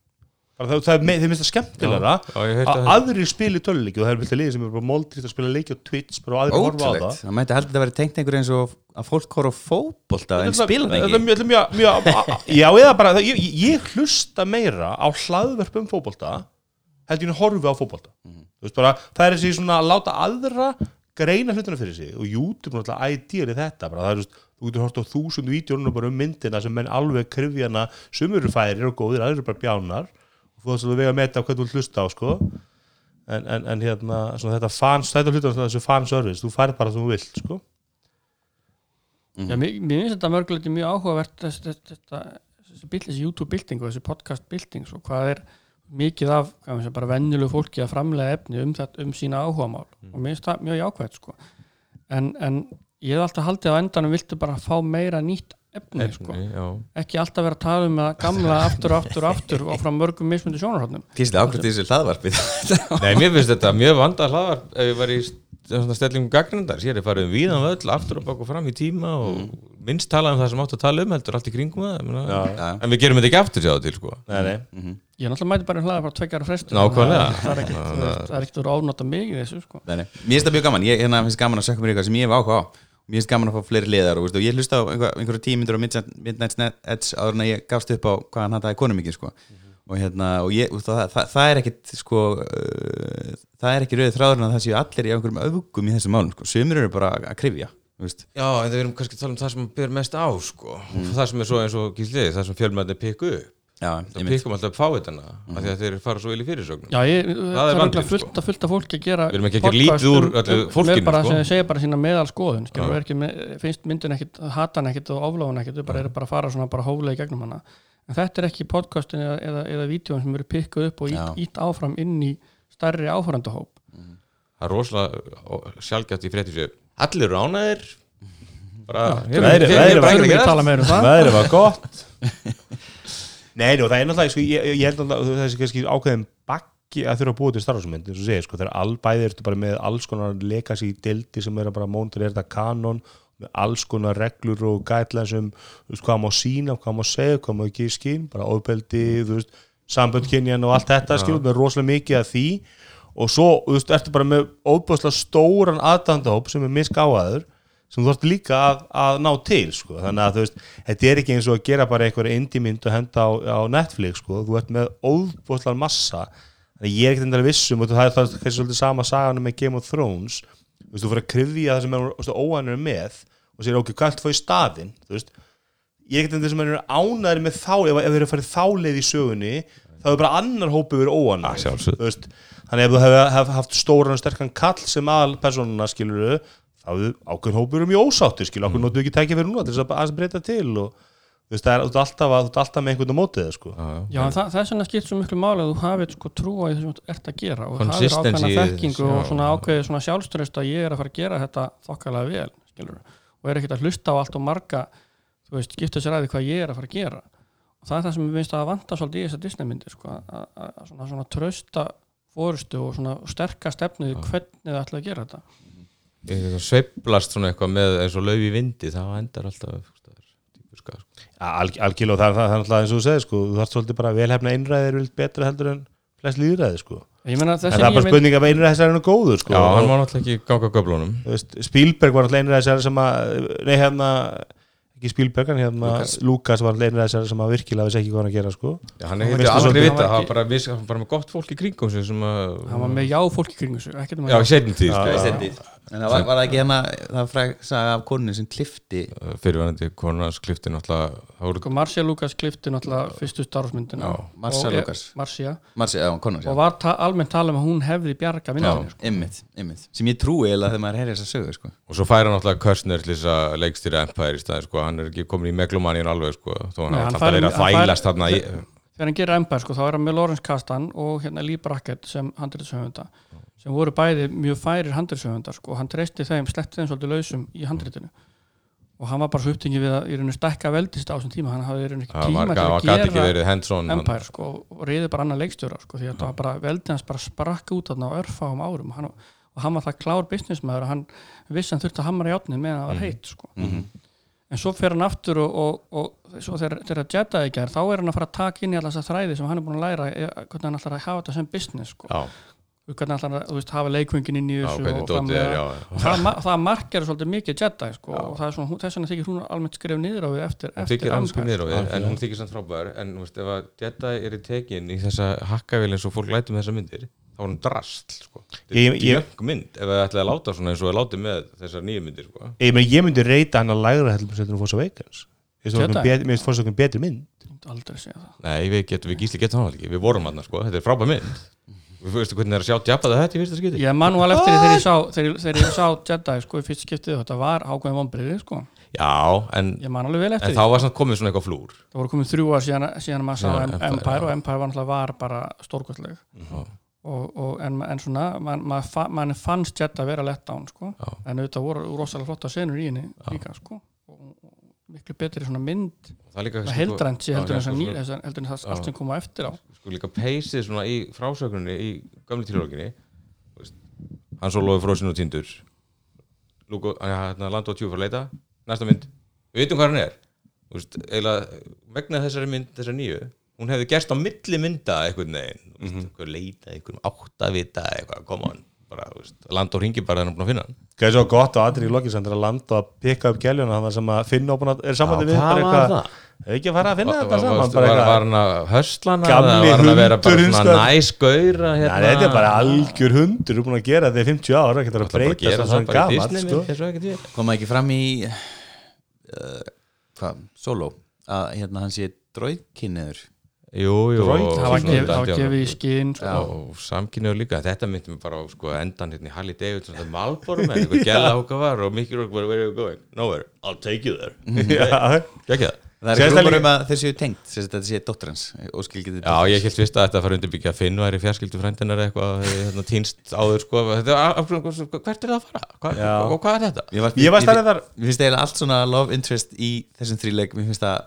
awkward Það er greinilega átt að fara í ákveðna átt og það hef margir svona þræðir sem fóru svona einhvern út, úr- út um þúfur Þú veist, eru Finn og Rey, er það eitthvað? Er það, Mér varst einmitt mér varst einmitt bara að vera, var ekki bara markmið þetta ætti, þú veist, við ætlum ekki að fókusa að ef það er kall og kona í atriði þá þurfi þau að vera kærust bara, Já. þetta var bara, þú veist, þú voru að Já, vín það var bara platónisk Mér fannst ást. þið samt vera að ná svolítið svona dýnamíkinni sem var í gálmyndunum sko ástæðsýrningurinn Luke Leia hann sko þetta, þú veist Pó og Finn er svo þetta báðir að fara að knúsa rey sko í kappleipi og svo bara já, eða knúsa hvort annan eins og Já, það og en það var sem sagt rúmur um að það var að vera að Já, leggja já, upp en það. þeir voru orðin svolítið heitir fyrir rey báðir málega er þetta, þetta allt þetta er sko Disney, það er ákveðt dilemma hjá Disney.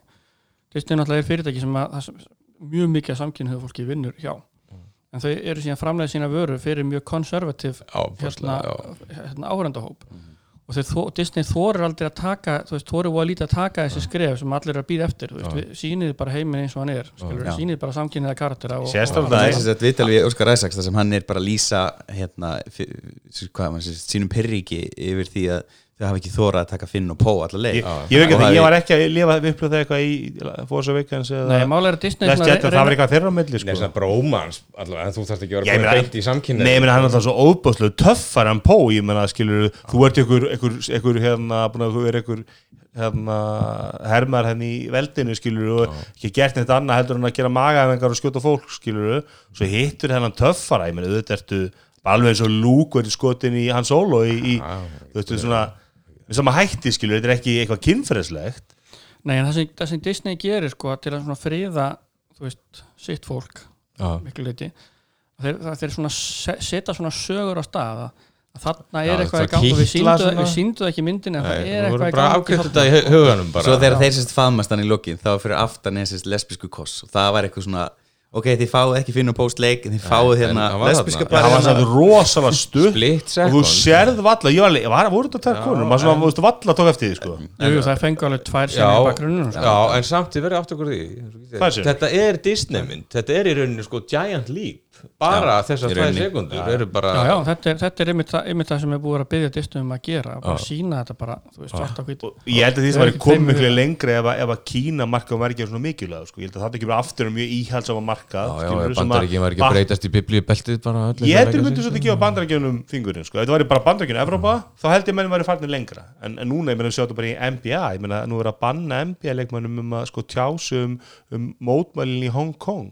vegna þess að bara Kína hótar einhverjum margra miljardólar business, bara loka á businesslegur og loka á útsynningar og svo leiðis þannig að Kína maður skipt svo óbúslega miklu máli. Hvað er ekki, er ekki finn mér um hennar kliftur út áður en að þetta velli Kína? Kína fekk hana á sama tíma sko, hún, og það, en Star Wars gengur ekkert í Kína. Nei, það er ekkert það hefur aldrei gengið sko, og, og nýja myndin er, það er engin breyting þar á. Nei, Star, að Kínverið hafa ekki haft áhuga á nei þannig að við erum ekki að láta þetta raska Þeir eru hefnir að Marvel. Þeir eru já. af Marvel, þeir eru hrifnir af alls konar Disney dóti og alls konar vestarinnar myndum en hérna, þeir eru með kvóta sko. þú færð bara að sína hérna, veist, vist margar myndir frá bandaríkjum á ári í Kína og menn reyna að komast í kringum hennar kvóta með því að fá kínveska meðframlegendur þannig að myndin verði svona veist, einhverju leiti kínvesk með sko. Og þessi er algjörlega stjórnað af menningar ráðuneytinu kommunistaflokksins í Kína sko. Tencent er að köpa mikið inn í myndir annars gengur hérna uh, já, veitu hún er komið 40 miljón dollara á frá 50 deginum þessi mynd.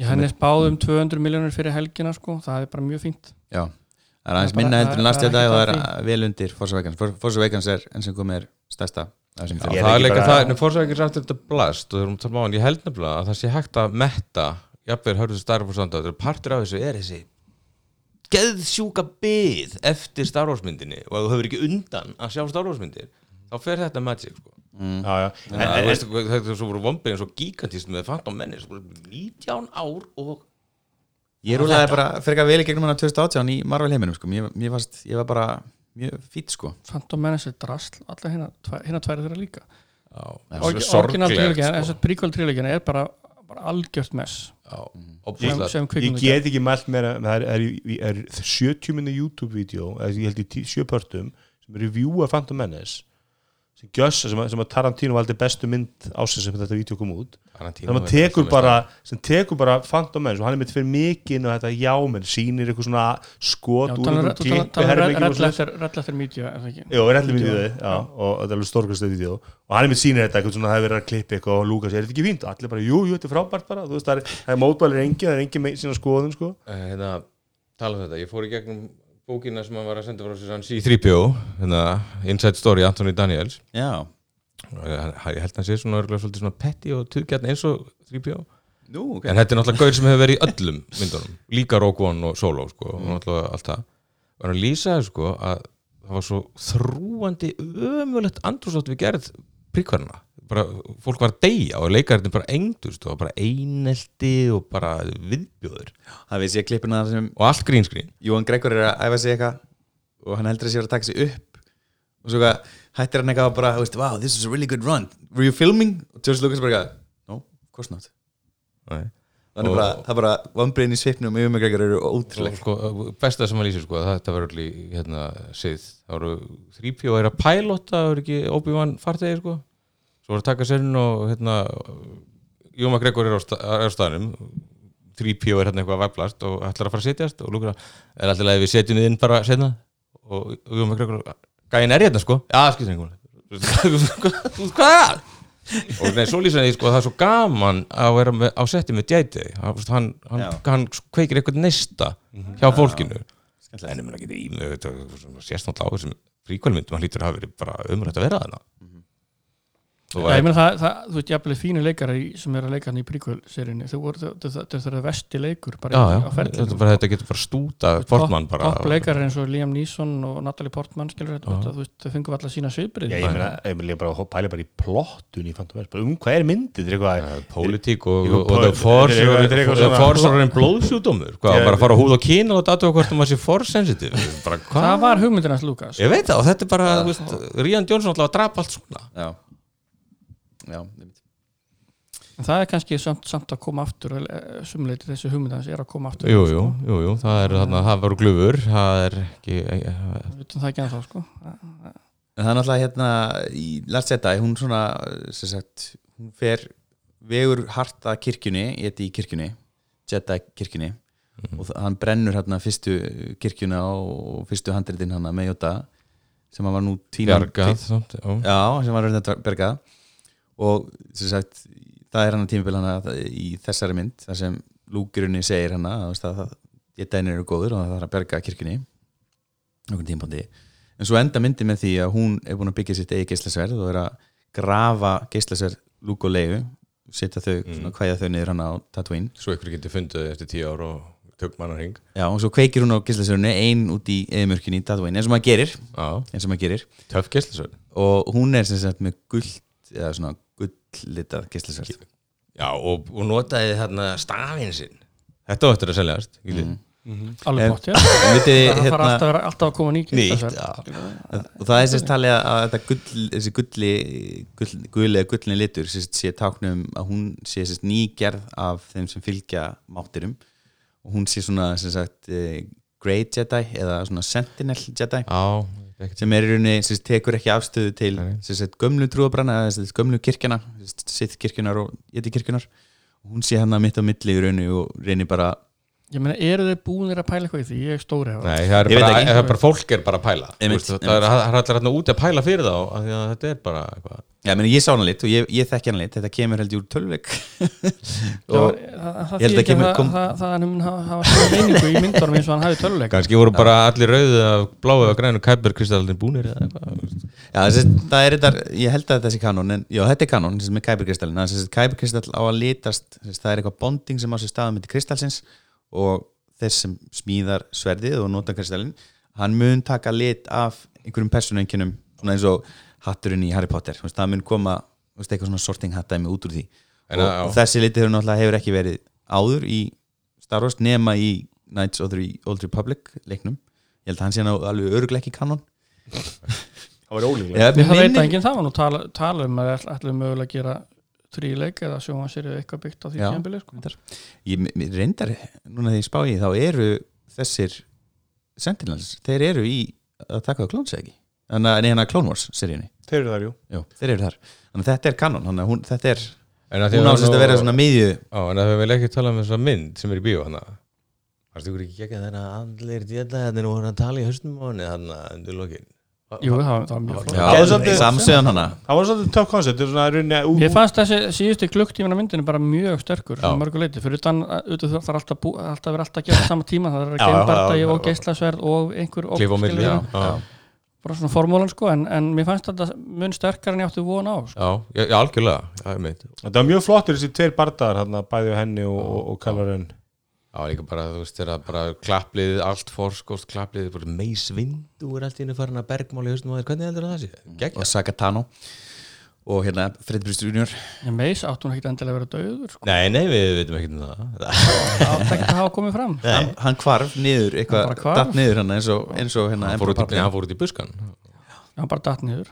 Hvernig fannst ykkur byrjunum með Palpatine? Mér, hún fór rosalega erfi illi mig hann að, bara, allt í hann er hann bara komin og það er bara svona eitthvað close-up, hann er blindur og hann vantar á hann húð á puttana og Mér kjött fannst þetta og, allt ágætt, ég hafði þungar áhyggjur af þessu return of pálbataðin en mér fannst það eiginlega bara afgreitt í opening królinu sem var svo mátulega cheesy Varstu Star maður að lesa, maður að það væri? Varstu maður að lesa Já, spoiler? búin að heyra það eitthvað, ég trú ekki að spoiler sko. Veist, ég nálgast þetta bara eins og lík sem þarf að krifja. Eða blaðamaður og bókmyndfræðingur að ég, veist, mér er alveg sama. Ég veist, les allt og horfa allt og hérna, er samt alltaf jafn hýsa Þú, þú vissir það fyrir. Ég, ég, ég, ég ekki að Nei, ég vissi að hann væri, veist, hann var alltaf búin að hlæja í trailernum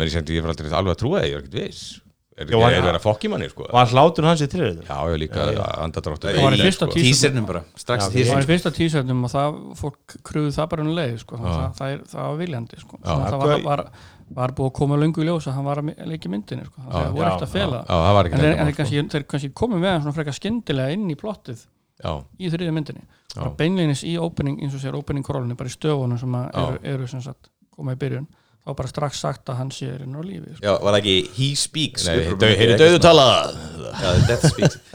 Mér fannst það það, það, er- það, rosalega mjög, cheesy það er mjög starfarslegt sko. Mjög þetta og var bara góð, góð, afgriðsla eða þannig, þetta er svo, veist, að endar allt með sigurgleð og medaljum í New Hope svo bara kemur í Empire og bara little Luke know, bara allt í fokki maður. Veist, Já, það er einhverja hlutan að þeir þeir eru svolítið viljandi cheesy sko. Ég meina, lélugur leikur og cheesy dialog er náttúrulega bara hjartað í Star Wars. Það er alltaf að finna einhvern balans í þessu sko. vissulega, það má ekki fara overboard eins og í en, príkvörunum en, en ég, ég, mér fannst þér sko bara svona, þetta náttúrulega er endasagan á, eða ætti að vera endasagan á þessum gömlu karakterum sko. og þó þið væri náttúrulega mikið að reyna að leiðra þetta hvað gerist í myndinu undan og svo, svo voru náttúrulega í vandræði með að þið höfðu ekki leiðu lengur sko þeir hafa sennilega verið búin að hugsa það langt að þetta átti að vera myndin að leiðu sko, og þá var náttúrulega mjög líklega. Ég fannst samt einhvern veginn þegar ná að svona að búa til svona heildar pakka úr þessu enda Rey og Kylo söguna og, og síðan enda svona sögu allra gamla karakterina já, með svona smá, smá vikt sko, Nefna Chewie, hann er ódreipandi nema tjóði já. En mikið tilfinning verið þegar, hérna það var ofbúslega sterkt Þegar hann fór á Já, þannig að fyrir að leiða sér dáin Hann bara grætur og öskar Þetta skiptir þau verið átt ykkur á það gravity þegar Chewbacca fer á hnén ég hef ekki séð Það er ekki áður. 200 kíló 200 kíló maður. Svo hann að sendaði Landó til þess að ná í alla heina öll þannig miljón skipin sem kom í lókin og hvað Landó did it! Og hvað var ekki Chewie með honum allan tíma? Bara eitthvað Takk Landó Já, það er ég, ég vekk að gæsa því að það var mjög Það er svo mjög ekki gleyma því að það er Millennium Falcon er náttúrulega persónu líka og það atrið sko, það eru örugglega svona 50 skip í þessu atrið eða meira sem að fólk á að geta þekkt sko. Já, Ég hef búin að horfa á YouTube það um sem er farið yfir það. og það áttur að krufi merkjar hvað skipið settu þar inn sko. Já, það, er, það er sem við kallum fanservice En náttúrulega. þetta er svona, ég er náttúrulega, ég er náttúrulega mjög ánæður en þetta er samt þessu reykisli, það fer engin held ég ó, ófullnæður eða rosalega pyrra, þú veist, ef þú fer eitthvað rosalega full og pyrraður af þessari mynd, þá, þá ertu bara eitthvað botti úr príkvölu ég, ég veit ekki, ég, ég, ég, ég, ég get alveg hort að tökja tíma vídeo og rakka þessa mynd niður og verið sammála svona kannski flestum punktum í vídeoinu Já. en það bara þegar maður vissi alveg hvað maður var að fara út í. Já, basically, sko. og þetta hefði getað verið verra maður var alveg með svolítið svona uneasy feeling sko. þetta hefði getað bara orðið disaster Ég sko. ég varst um betur en ég bjóstu Ég, bjóstu að það er Eins bara og við vorum að horfa á hann hérna hjá þegar maður fara að sitta sér í stellingar og maður býst við hennu vesta sko, þá náttúrulega er maður bara ánæður þegar það gerist ekki Já. sko. Já, svo ég vísi til hérna Bríðablar sem var í, í hann, hann sóli skaut fyrst hlaðarpinu þá hérna labbaði maður ég labbaði bara svona hvað í anskotum var Ég að var horfa á? Rosa lánað með last þetta samt. Ég ætla ég að- var ekkert svo ánæður með ég, ég var alltaf mjög ánæður með ákveðin hluti það voru svona nokkur aðrir sem ég var mjög bara vondur út í. Já, það var þannig sko, en myndin var en- alveg Ég skemmti mjög vel. stóru hlutin sem maður gerði þetta, þetta afbygging sem þú talar um sko. mér fannst það ekkit endilega vond hugmynd sko. Það var margt verið svo kannski metnaði fyrir heldur en þetta, þú veist, hann fóru eins og bara þessi, þessi, þessi, þetta samband Rey og Kylo Ren, það er mjög að mjög gert í að stjæta og fara að kafa svolítið það, búa til eitthvað svona díalókur með Fjarfundabúnarinn Þetta er, er mjög- þetta, er nú Nei. bara, þetta er nú bara Dracula og Mía sko, þetta er alveg 100 ára gammalt Já, já, sko, en- en virkaði mjög vel. það koma vel út, sko. ég veit ekki sko menn, er að kvarta en að við gera kvarta yfir, netinu sko að ú, allt er kemur eitthvað nýtt force power sem aldrei hefur komið áður sko. Þetta var gert í hverju einustu mynd, það kom í hverju einustu mynd eitthvað nýtt Já, já, force sem aldrei verið gert áður og, og Mér finnst það að vera gott, mér finnst að þessi að expanda. það kvartaði enginn yfir í þegar Empire Strikes Back kom út að Luke geti allt inni bara náði í sverðið sitt skilur þú veist og svona, þú veist, að hann er allt inni fengið það force power skilur og svo kvartaði enginn yfir að, að, í rítunum að Jedi að Emperor væri með eitthvað force power sem við aldrei sést Nei, nei, og su- sumir degi á að verða orðinatauð og aðrir, þú veist, aðra þarf að brenna og þú veist, hafa útfarir og svona Já, svo alltaf voru þeir vika og þarna kemur hann sóla aftur bara, hann, hann verðist vera eitthvað svona fors Nei, Nei, nei, það er bara einmitt minning. ekki Þetta er bara, það er bara átök Nei, í hann- huga á það vera bara minning bara. Já, Já, er bara Hann- hann segir það, I'm just your memory Óbúslega flott Jesus Já, you were just my Christ. memory, segir hann Já. já. Þetta er það bara var eiginlega á þeim punkti svona, þe- þeim í sko, sá geisla sér bardagi mann fannst hann, ég held að hann væri bara svona, svona millibardagi og verið ekkit eitthvað aðlættir sko. það var eiginlega í þeim punkti sem myndin snúast við sko. Það að náttúrulega bara spoiler að þú veist að Rey basically drepur Kylo. Já. Og eða, bókstala drepur Kylo Ren og lífgar við Ben Solo. Er Fight Club alveg, drápa og og, og, hérna, og það er svona vendipunkturinn í myndinni sko, og þarna byrjar, byrjar hún að fá þetta emotional payoff sem Já. hún er búin að byggja Já, upp sko. já, og mér finnst hún halda því til enda Já, sko. Það Það- frábær það- leikur það og og. Þau eru það er frábær bæði bjarga myndinni fyrir mér sko. Ég get alveg þólað þennan barda við tíðu stadistrójar bara, þú veist, geisp, skilur já, já, á meðan að hitt var svona miklu kraftur sko. maður aldrei áhugjur þessum, þessum hérna, vélum, það er alltaf eitthvað svona eitt hluti sem hún skýtur þennan hlut það springur allt bara, þetta er rosalega alltaf sama já, fara er að sprengja þennan hann að veika Það er ekki Þetta verið að var finna, það það sko. aldrei eitthvað að standa í að finna fjólið þarna sko nei, nei. En mér finnst hún líka, einmitt, hún nær þarna einhverju flugi sko. Og mér finnst hún líka högt að ég var svolítið smekkuð það var svo, bara fyrstu atriðin það var bara svo leikarnir væri bara alveg, þú veist, vissi ekki alveg bara Nei, það fyrsti gluktíðan á myndinni er svolítið messi sko. Að þú finnur það bara að það er verið að starta einhverju söguframvindu sem að þú skiptir yngum máli bara til að sé að fara einhverja staði og eitthvað sé að gera sko. Og tökum smá Harry svo- Potter en og tölum svo- við snák og svona eitthvað, hérna. Mhm. en svo fannst mér, en svo þegar þið fóru fókusir aftur á, á Kylo Ren sko, Já. þá kemur svona styrkur myndarinnar loksins í gegn rekkur hún í hyperdrive bara þannig að ég er svona ég, ég, ég náttúrulega bara búin að sjá hann einu sinni. Já, það er sam- já, Þannig að- einmitt hér, þannig að sko. kannski skiptum við hann skoðan þegar maður er búin að sjá hann aftur. og, ég fór náttúrulega bara heim bara high on life bara og bara grátbólgin og, og hafði strax sambandið besta æskuðin minn sem var búin að sjá hann út í Brighton og er vísindamaður og aðeins kaldar en ég sko. Þetta er fyrsta skipti sem að, við vorum báðum jánaði með þarna, last ég þetta hann var ekki nógu sáttur sko, þá fór ég aðeins að fara niður sko, nú þú að og ég á eftir að byrta dómin, ég ætla að vera með sko fjórstjörnum dóm á aðfangata í fréttablaðinu. Ég verið komin, hvað, tvær? ef þetta er Það ná- er aldrei skrifað dómum um stárhúsmyndum og síðan allavega tvisar sko. Ég veit á, ég ætla, ég ætla að fara aftur á morgun sko. en ég, þú veist, já, en ég vil helst eða ekki bara íðalegja, ég vil bara vera í þessum feeling sem ég var í hérna. Ég, ég, ég, mjúka ég, ég skilur gott við sko, því ég ætla að var með forsynga á, á henni á, hérna, á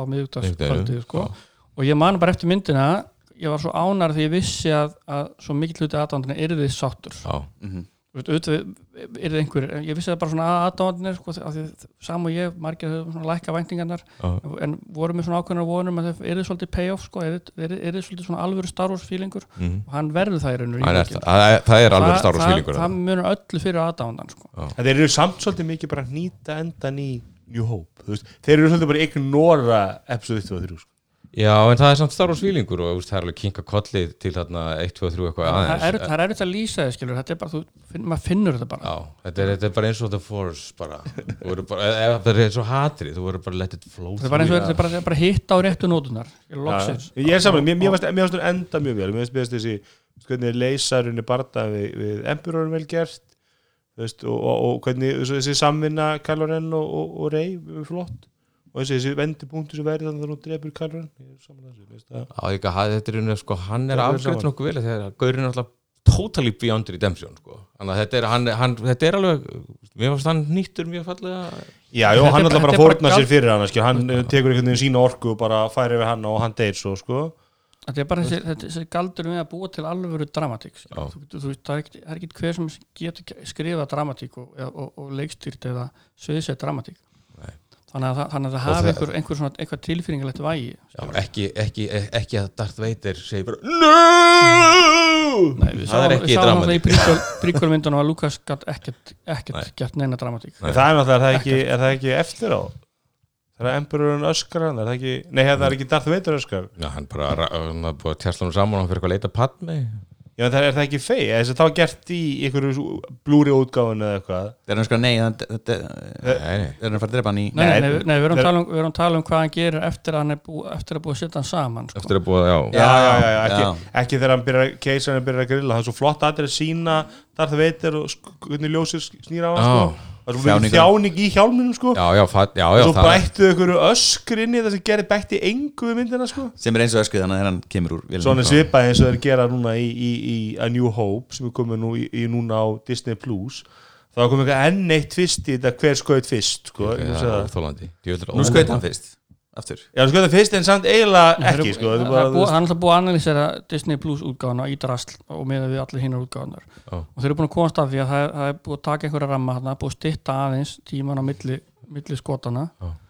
og svo er, er Jabba látin segja hann eitt orð virðist vera, ég er ekki búin að sjá þetta sjálfur sko á vídjói og sem er bara, þú veist, á ensku Já, what? vir- virðist vera hvað er það þessu lið? Nei. Jú, ég, ég sé það ekki dýr en ég Hvað var þetta? Þið getið séð það einhver á, á YouTube. Og þannig að það, þannig að það er, það er ennþá verið að krukka í þessu og náttúrulega Mm. sannir aðdandur sem ég er náttúrulega, þú veist, ég náttúrulega væri brjálæður yfir þessu en það er bara, þú veist, maður er bara búinn að sætta sig við Já, já, bara maður á sem betur fyrir koppi Ég- af hérna, orginalin Orginalin er til, hann er ekki til í þeim gæðum sem maður myndi vilja hafa hann í en hann er Nei. til. Það er einhver fan klippað ekki til sem það er eru til fanclips og það eru til sko, náttúrulega hérna, 16mm útgáfur það eru til gamlu vídeospóluna, það eru til gamlu leysidiskarnir Mhm. skilurðu. þó hún hafi og það er, var til held ég DFFT samt ekki Ég held, nei, ég held ekki, það, nei, ég manna það ekki. Sennilega ekki. Ég ætla En- ég, en ég var að hérna, fá að spóla en- einhvers þar hann ætla- sannir aðdándur er alltaf að býða eftir því að, að, að bara Lukas degi Já, þá sé hægt að búa til gömlu útgáðan upp á nýtt. Bara sína hann eins og hún var það er það sé er einu sem stoppið það að sé Lukas. Disney þóri ekki eins og að gera er Nei, nei, voru ekki eitthvað fréttir um daginn að JJ var eitthvað að grautast í þessu og bara sagt að halda kæfti og drulla sér sko. Já, hann er nú svo hress kallinn, hann er alveg 20, 20 ára eftir maður. Það er búin að grennast. Já, lítur hann er ekki Það er líka búið að klóna að- hann sko, hann, hann, hann púlaði palpatæn sko. Ég held sem bara mikið að svona álag kallinu farið sko. Já, hann kom til, kom til Íslands hérna í fyrra bara. Nú, í frí bara sko. Já, hann já, var bara að leika sér sko. Já. Hvað hefur menni að gera hann að leika sér þegar þeir eru búin að selja þetta með fjölskylduna í sjöföld íslensk fjárlög Já, 500 miljardar og laðið hann á bankabókinu hann er, hann er undirbúið að opna rosalegt listasafn í Los Angeles. Pop, art. Bara hann ætla basically að gefa Los Angeles listasafn upp á miljard dollara. Þess að hann ætlar að setja inn bara allt safni sitt. Af dóti sko. Er En hérna, einn maður sem fekk vonda útreið allan hjá kakgrindin sem ég er búin að ky- kynna mér það er hérna Richard E. Grant og ég er gæssalega ósamlega flestum sem dómi, mér finnst hann það alveg frábær. Það er bara, svo skemmtilega leikari, hann Richard E. Grant. Það er hérna, það er bara, hann er svona sem þarf bara að mæta yfirleitt sko. Já, hann er eitthvað svo desperate að þjóna Palpatine og það er eitthvað svo ótrúlega gott hvað hann er vondur sko. Ég veit ekki, hverju tilgangur með að setja svona þetta leikari í svona lítil hlut Engin sko. Nei, Það- engin ekki En En gera þess neitt. að geta hann draf General Huxley, það var alveg moment. Það var mjög ástæða besta að þetta er honum Það beigði ég- eitthvað, skjótti mig löpp Astanlegasta lína myndarinn er klálega hana I just don't want you to win. I don't care if you win. I just want him to lose er alveg, þetta er alveg samt mjög sannfærandi mótíf Já, en komplexan í þessum gaur Ekki sko. segja I, I, don't, care if you win I just care if he loses. Mér Það- mjög að fúlt, ok, Richard E. Grant, hann er alltaf skemmtilegur og sniður en mátt ekki bara hann, hann, Vivian Pönkarn úr Jóngvons verið áfram. Eitrin Edmundsson alveg frábær í hérna Last ég þetta, alltaf að hafa vit fyrir þessu hugsið hérna Ég er búin að gleyma henni, hver á það aftur? Æ, ég sem var alltaf, í fyrsta aðrið hann var alltaf hann var svona imperial, hérna, dútið sem var alltaf með utan í haugsinu. Já, já, já, já. Já, mér finnst áhverð hvernig högsin var einmitt settur niður og það kom annar. Það veist ég ætla að elska Það var alltaf að spurja þetta spurninga sko. hann, hann var ekki mikil, nóg mikil tímpleðir sko. Já, Já, já, engar issues hjá öllum þessum gæjum sko, hvað komplexaðir mhm. þetta er bara, þú veist, það er bara ómargi karakter Já, já getur, reyndar. getur ekki búið til sögu utan um alla Nei, nei, þetta er líka eins og ég last þetta eitthvað Laura Dern, þú veist, alltaf að mókin svona, einhverju, einmitt allt of eiginlega þekktum leikurum og stórum nöfnum fyrir svona, en, Já, þetta er svona einhver, einhvers konar baktrygging sko hjá þeim, haldaði ekki til baktrygging það var eitthvað svona, ég, ég, við vorum, við vorum greinilega mjánaði með margt þarna, sko, ég var svona, svona, svona, svona klístur slísi Richard í Grant, já, ég, Mhm. það var gaman á voru einhver svona skemmtileg svona celebrity svona félutörk það var engin Daniel Craig það var náttúrulega eitt sem var hann sem, sem kannski fatta ekki, það var, það var alltaf ekki búið að leika á netti þegar ég sá það sko.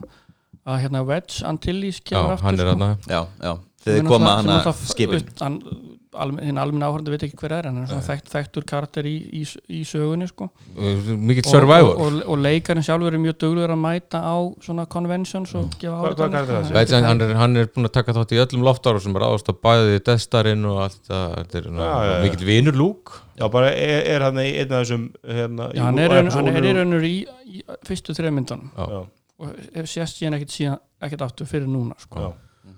Og það er, það er svona svolítið svona fanservice moment en, það, en þú þarft Já, alltaf að vera aðeins þetta, mikill þetta er fan alveg að hard, það, sko. hardcore fanservice sko. en núna alltaf getum við farið að f- bara lesa skýringarnar og sé Já, hvað og þetta er svo var ekki, var ekki Anthony Daniels að fljúa einn X-vanginu hann 3PO, ég held að það er nú bara human form sko. það getur vel verið Ég sko. ég, sko. ég, veist, ég er bara búin að sjá hann einu og maður kannski missir á svona moment að helling sko. en, en ég las það eftir ég það ekki, ég fattaði ekki í seninu sko, að John Williams sjálfur Já. Tónskaldu, hann er hérna í smá ég sá, ég trúði ekki að það væri hann ég, svo, ég, ok, fyndið tilurinn, hann er alveg svo John Williams sko. ég, ég, sá, ég fattaði ekki, sko, ég sá það ekki og svo hérna, þegar þið fara hérna á þessa jolly plánetu þarna, sem allir eru lítskruðir og bleið og það er eitthvað veisla sem er hátíð 42 ára Man tengdu eitthvað? þetta við 77 og upphafið eða var þetta Douglas Adams vísun eða ég veit það ekki sko. Nei það, það er ekki Já, eitthvað væntalega er svoleiðis, þetta 42, já, 40 Það er allir 40 ár sem að þetta hefur staðið sko, en þá sko, nördar náttúrulega að hugsa eftir einhverjum öðrum kanalum og allir nördar svo Douglas Adams sko. Já, Anthony Daniels tala fyrir Babu Frick sko. ég tala, ég tala hann fyrir Babu Já. Frick já, já. Já, C3PO Já, ah, Babu Frick var enda svona lúmst fyndin karakter Já. sko. já, eitthvað svona ágjörðu köttur Þú veist. Og Það er eitthvað mjög skrýtið sko, sko. 3PO hann alltaf verið komikur í líf en hann var einhvern veginn svona með uppistandu hann var svona fyndin sjálfur. Mjög svona þetta er er þetta er mér elstu og bestu vinum. Já, það ekki alltaf mér æfi að það var ágætt að komikir í líf sko þegar að hann vera einhvern veginn end er þetta alltaf svo mikið hasar hjá okkur og svona er að lifa litur um að nýtt sko. Hann Jú, þetta er náttúrulega vandi við, við að vilja hafa allt svona með þetta lengi alla, lengi alla senur Já, lengi alla struktúr, það er enda, er orðið svolítið svona myndin er 2 og 40 sko og Já. þú veist, hún hefði auðvitað getur verið 2 og 10 þeir hefðu bara svona, þú veist, var svolítið af stretching, sidequests og við erum að sjá þetta bara með Marvel myndi líka myndir orðið bara svo langar. Já, ég meina, ég fann ekki fyrir lengdina á Endgame en ég minnst ekki volið erfitt að ógæsla óþægild að vikina, ég fann alveg aðeins fyrir lengdina á það var ekki sko. þörfa á hann svona langa.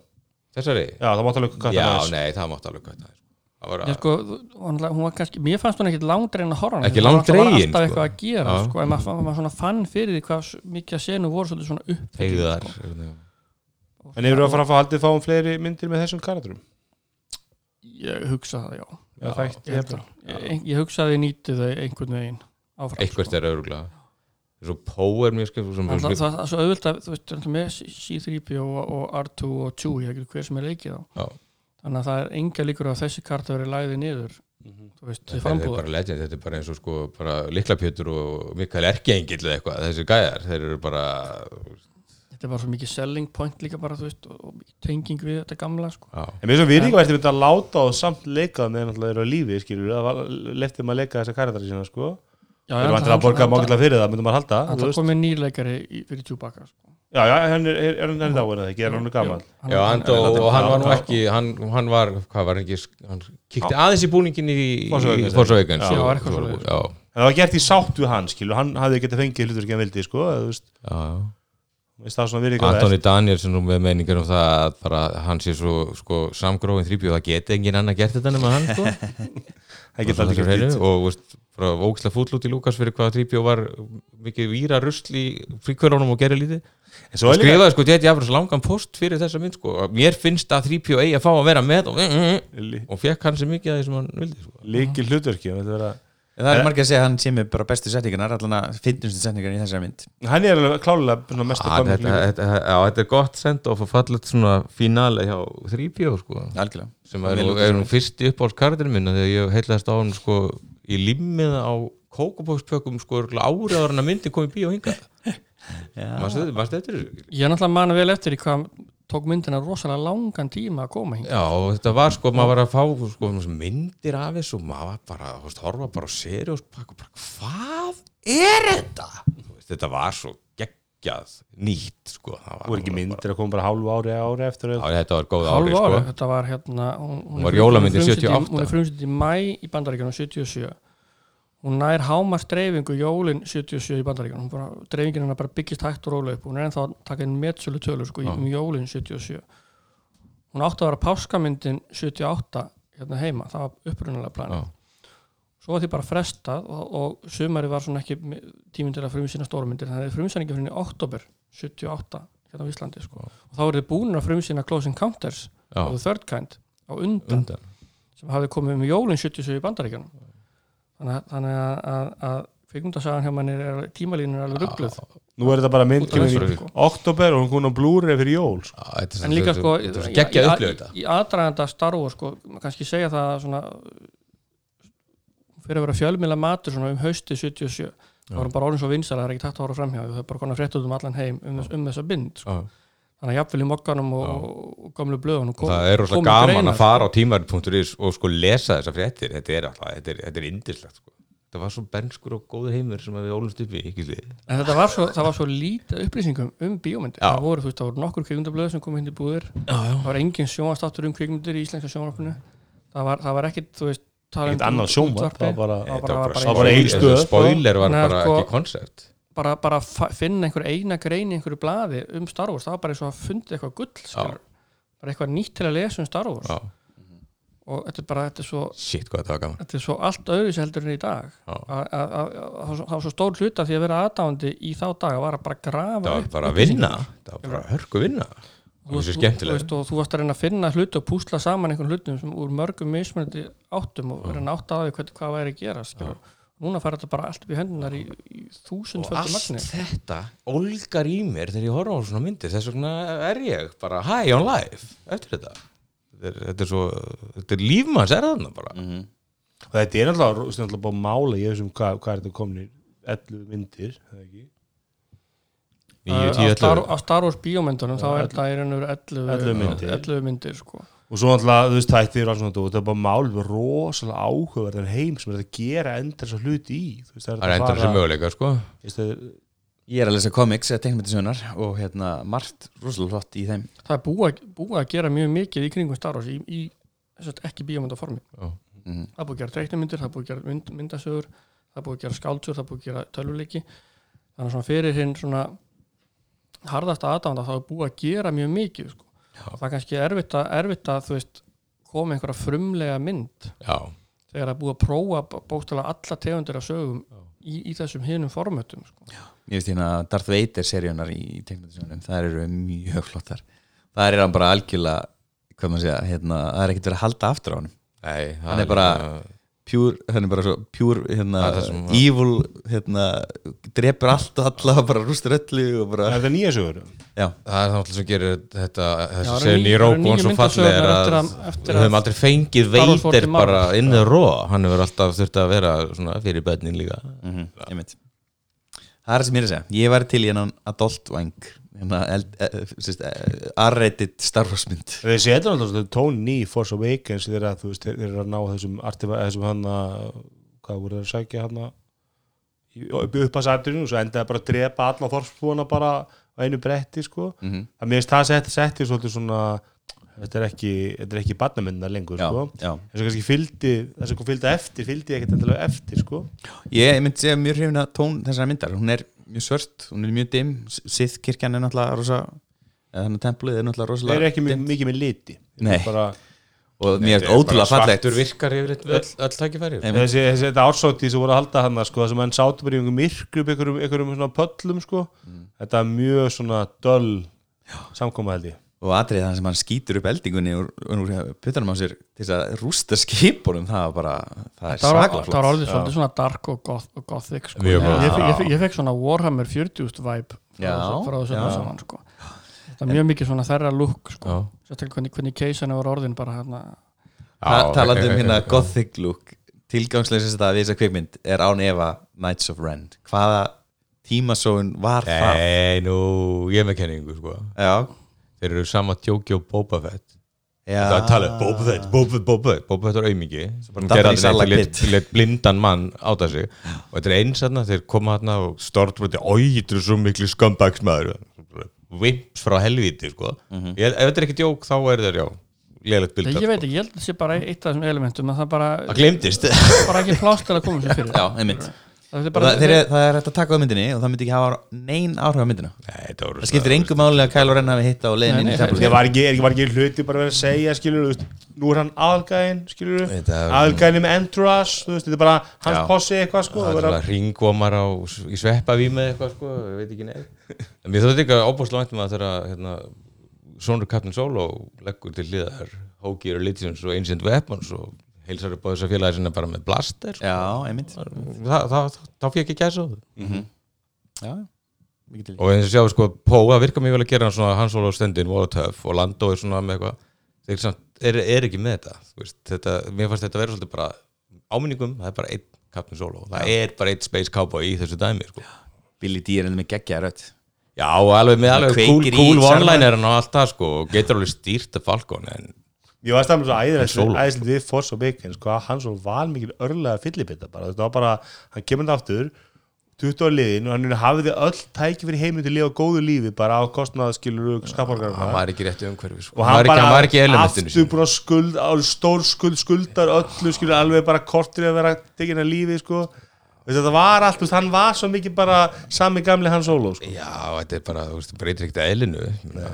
Hann er náttúrulega bara skándröl og veist, vandamál með krakkan ég get ekkert verið að díla við það tjúi í förum. Ég hluta til örður uppheldi sko, látu bara, látu bara lúkum þetta, hann, hann gerir mannur honum. Já, það hefnast ekki vel sko. Já, Jedi. Nei, ég held að hann solo hann alltaf haft ákveðin fyrir að vera á lúk sko. Já, Já, og þessi þetta dóti öllu heldur já en hérna er ekki bara eh, árið langt sumina um, um og er þetta ekki orðið langdregnur og lengri en þessi mynd sem við erum að tala um? Hvað er eftir. er þetta takma, limitless podcast? Hvað, Það maður farið í ramma yfir eru þið ramma með svona harða aðdáðundur að þeir hlusta bara á þetta bara?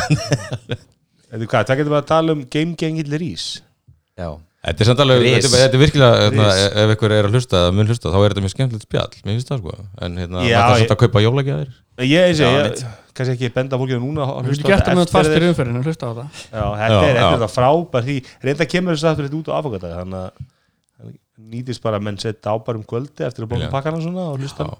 Ég er alltaf það ánægð með þessu mynda að ég ætla að fara aftur en ég mun aldrei aftur sjá Lest Jedi Ok, ég, ég ætla held ég að horfa á last þetta bara í kvöld og fara svo aftur á morgun á þessa. Verður það góð maður tók alltaf, tók alltaf sko 4, 5 og 6 ég teki núna tvisa sko Rogue One episode 4, episode 5 og slúta Ah. bara hérna sjötu myndinni sko.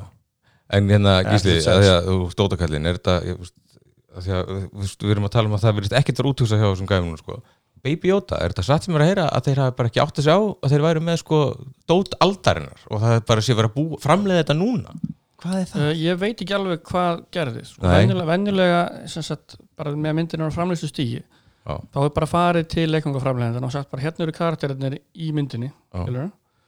og svo eru, eru kannski leikangaframlegður að bjóða bara í að gera en þetta var er Lukas bara vikið sagt, Disney að minna við, við Hasbro Já, og þetta er allt ákveðum bara nokkur áfram í tíman þannig að góðu tími til að hanna og framlega alla kallana og hafa lagarinn tilbúin þegar myndin kemur sko. sem var náttúrulega ekki þegar New Hope kom sko, þú veist, þegar var svona verið að retta sér sko nei, það, en það eru til 40 ára síðan sko Já, þetta er bara þetta er eitthvað sem byrjar með, með fyrstu myndinu með, Já. sem ég neita að kalla New Hope ég Já, kalla já. bara Star Wars sem er alveg hárétt hjá þér, ég er bara að gera þetta fyrir En- svona en þá sem eru hérna, ekki en, með eh, en á sem mig. sagt, eitthvað virðast er hafa annarkvort bara leint vilja bara leina Baby Yoda alveg Já. ekki fara bara með hann á fundina með leikungagörun og vegna þess að það, það, það búið að planleika alls konar hluti kringum Mandalorian Já, það var að koma Mandalorian Lego á markaði núna skilur.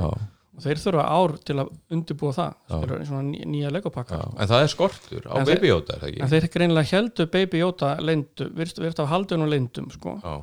Og svo bara rössa það í gegn eða kannski, þú veist framlutin að fengja að vita það er einhver karakter sem þið ættir að framlega en þið fá bara ekki að sjá hann fyrir hann að, að búa fyrir um sínan. Þannig að það fyrsta sem við sjáum eru bara einhverja tölvugerða myndir af einhverju, af einhverju leikungum sem eru að fara, eru að fara, fara að koma út sko. já. Þannig, en að- það er að galið að hann sé ekki sko reddi í, í jólatrafíkinni. Þetta er ákveðin strategja það ætla- það kom mjög mikið óvart þegar hann kom. Það var búið að halda þessu algjörlega einmitt. Þannig að það vissi, það vissi þetta bókstælega engin já, og það kannski hjálpa svolítið umtalinu um seríuna sko, ekki gleyma því. Jú, jú. Nei, líka hann, þú veist, hann, hann, hann leggur undir sig þetta mím heim hérna á netinu bara Ég no time bara. bara samstundið sko. og, og þú veist bara leiður sér þann þú veist bara, heyrðu, ég verð að eigna svona ég verð að gefa dóttur minni svona, það verða allir að eiga, eiga svona. Og bara svo er ekki hægt að kaupa. Ég meina hann kemur á endanum. Já, já, Þessi skjótinu hendur, hvernig finnst þú komaðan dólarin? uh, já það uh, aðeins og stemt ég er, ég er endur ekki búin að sjá nýjast áttur nýjast áttur er svona, svolítið að leggja línunar fyrir hvað næsta serið verð, hvernig næsta serið verður sko. Ný- sem að var síðan gær sko, já. ok, ég er ekki búin að sjá er hann að hann sko. uh, hinnir, mér finnst þetta byrja mjög vel svo fannst mér þetta aðeins niður í þætti hérna fjögur og fimm. Mm. svo, og svo aftur skána í þætti sex. En það er svona, þetta er mér finnst þetta ennþá vera svolítið að fóta sig. Mér finnst þetta vera að gera góða hlutin á milli.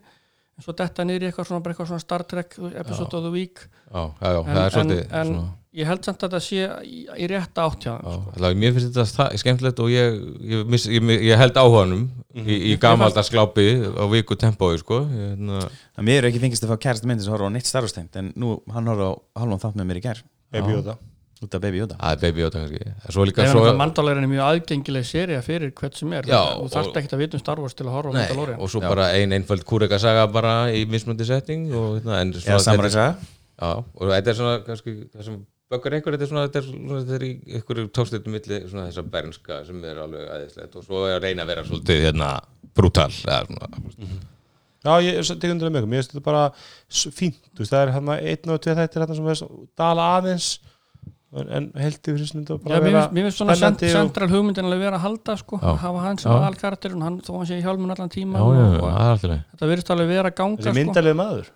Þannig, að- þannig að ég, Já, þú ég þetta er nú flotti bara- búningar þó að Boba Fett hafi teint það með að vera lúsæður sko. Mér finnst þetta hérna uh, góð serja Ég er sammála þér með að þetta sé svolítið að tegja sér marga aldurshópa að þessi- þetta sé svolítið of PG Já, Ég þetta er líka- að ég- Disney sjómastöðun heiti Disney eitthvað. Já, ég ég finnst höfðu getað tekið þess að þetta og animatað það og þú er ekki fundist sagan vera eitthvað ófullararsleg Skilur, mér finnst þetta Einmitt. virka eins og skriða þessum batnaefni Já. Og og svo bæta þið smá svona fullarstengdu efni inn í þú veist. svo er náttúrulega bara gaman að sjá hann að Kira Kurosawa hafa svona mikil áhrif og, og svo Lone Wolf um Cub sögðu þrjáðum koma hana líka í gegn. Já, er þetta, mikill- þetta, er, mjög klassísk minni þannig Já. að þú, þú getur ekki síðan en að vestra minnin þú sér þetta sko Mhm. en kannski samúri minnir eru minna þekkt kannski á vesturlöndum það var orður ansið langt síðan að Kurosawa það voru vinsalar Mhm. á vesturlöndum sko En voru svo sem líka náttúrulega sko, eitthvað foundation fyrir vestra Jú, jú, krabbið þannig að þetta er allt þetta en það er líka sko. kannski eitt sem er jákvæmt þetta þeir ætla að halda sig bara þú veist, þessi sérreglun, þetta er vestri og svo tökum við Stagecoach og svo tökum við Magnificent Seven eða hérna, Shane eða whatever Mhm. ekkert verið að fara þess og kruss sko. og það er kannski, einmitt málið, Rogue One er bara frábær strísmynd bara, hún er bara þar Já. Ég, ég, held að, ég held að Mandalorian lofi alveg ágætlega góðu sko, því að þeir, þeir eru svona veist, að, að prófa sig hans áfram með formið en samt svona að veist, af einhverju viti sko. Já, og þetta er ekki clusterfuck so far en, en, en með grunar það eins og með allt svona episodic TV með ma- kannski mismundi höfa, höfunda mismundi þáttum, mismundi leikstjóra Mhm. og getur verið misjöf gæði milli þáttar sko. Já, Við- maður þekkir þetta úr, úr seríunum frá því gamla bara ég fyrir Star Trek og fleiri sko. það kom alltaf svona döði þetta Já. á milli sko. en nú þáttur sex nokkuð góður, ekki? hann þóttu nokkuð góður sko. og þá var engin Jón Favreau hvorki að skrifa Jú, leikstir eða það eitthvað var John Favreau þáttur Já, var það sjö, er ég að tala um sjö, hva, hva, hvenær var, hérna, og nýjast þátturinn er sjö, það sem kom í gær já, ha- ég hef ekki séð hann, þannig að þá er ég að tala um sex, er ekki, þar sem að, hérna, Það ekki- þar sem það að Körgan var rauður með hotn, Mhm. sem var líka svona beautiful. Clancy Brown? Nei, Já, hann- það hann var í sex. Það Það var í í sex, já. það er sex, er ég að tala um sjö? Er þessi þáttur það sem sex, er- sex er prison breakið sko.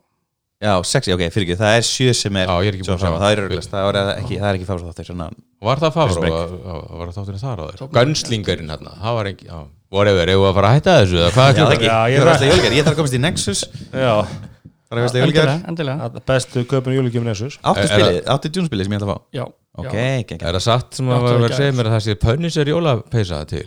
ég uh, veit ekki, það komum bara í fyrra dag sko. Jólapeysa? það voru svolítið sent á ferðinni sko. For það er five möguleik, minutes. já Það möguleika. Það ljómar ekki illa Hérna, bara takk fyrir kominastakar og ég hlu- óskum bara hlustendum teknum sem gleðar jóla og og það var gott um hátíðin að fá vilt að starfastóti í jólugjöf Það ætli rétt að vona. það er ekkert, ekkert annað ég fæ ekki eina starfstóti sem ég óskaði mér eftir Baby það er þá tveið dagar tveið þrjir dagar jól, þetta er þetta því Herru, takk fyrir okkur. takk fyrir það. takk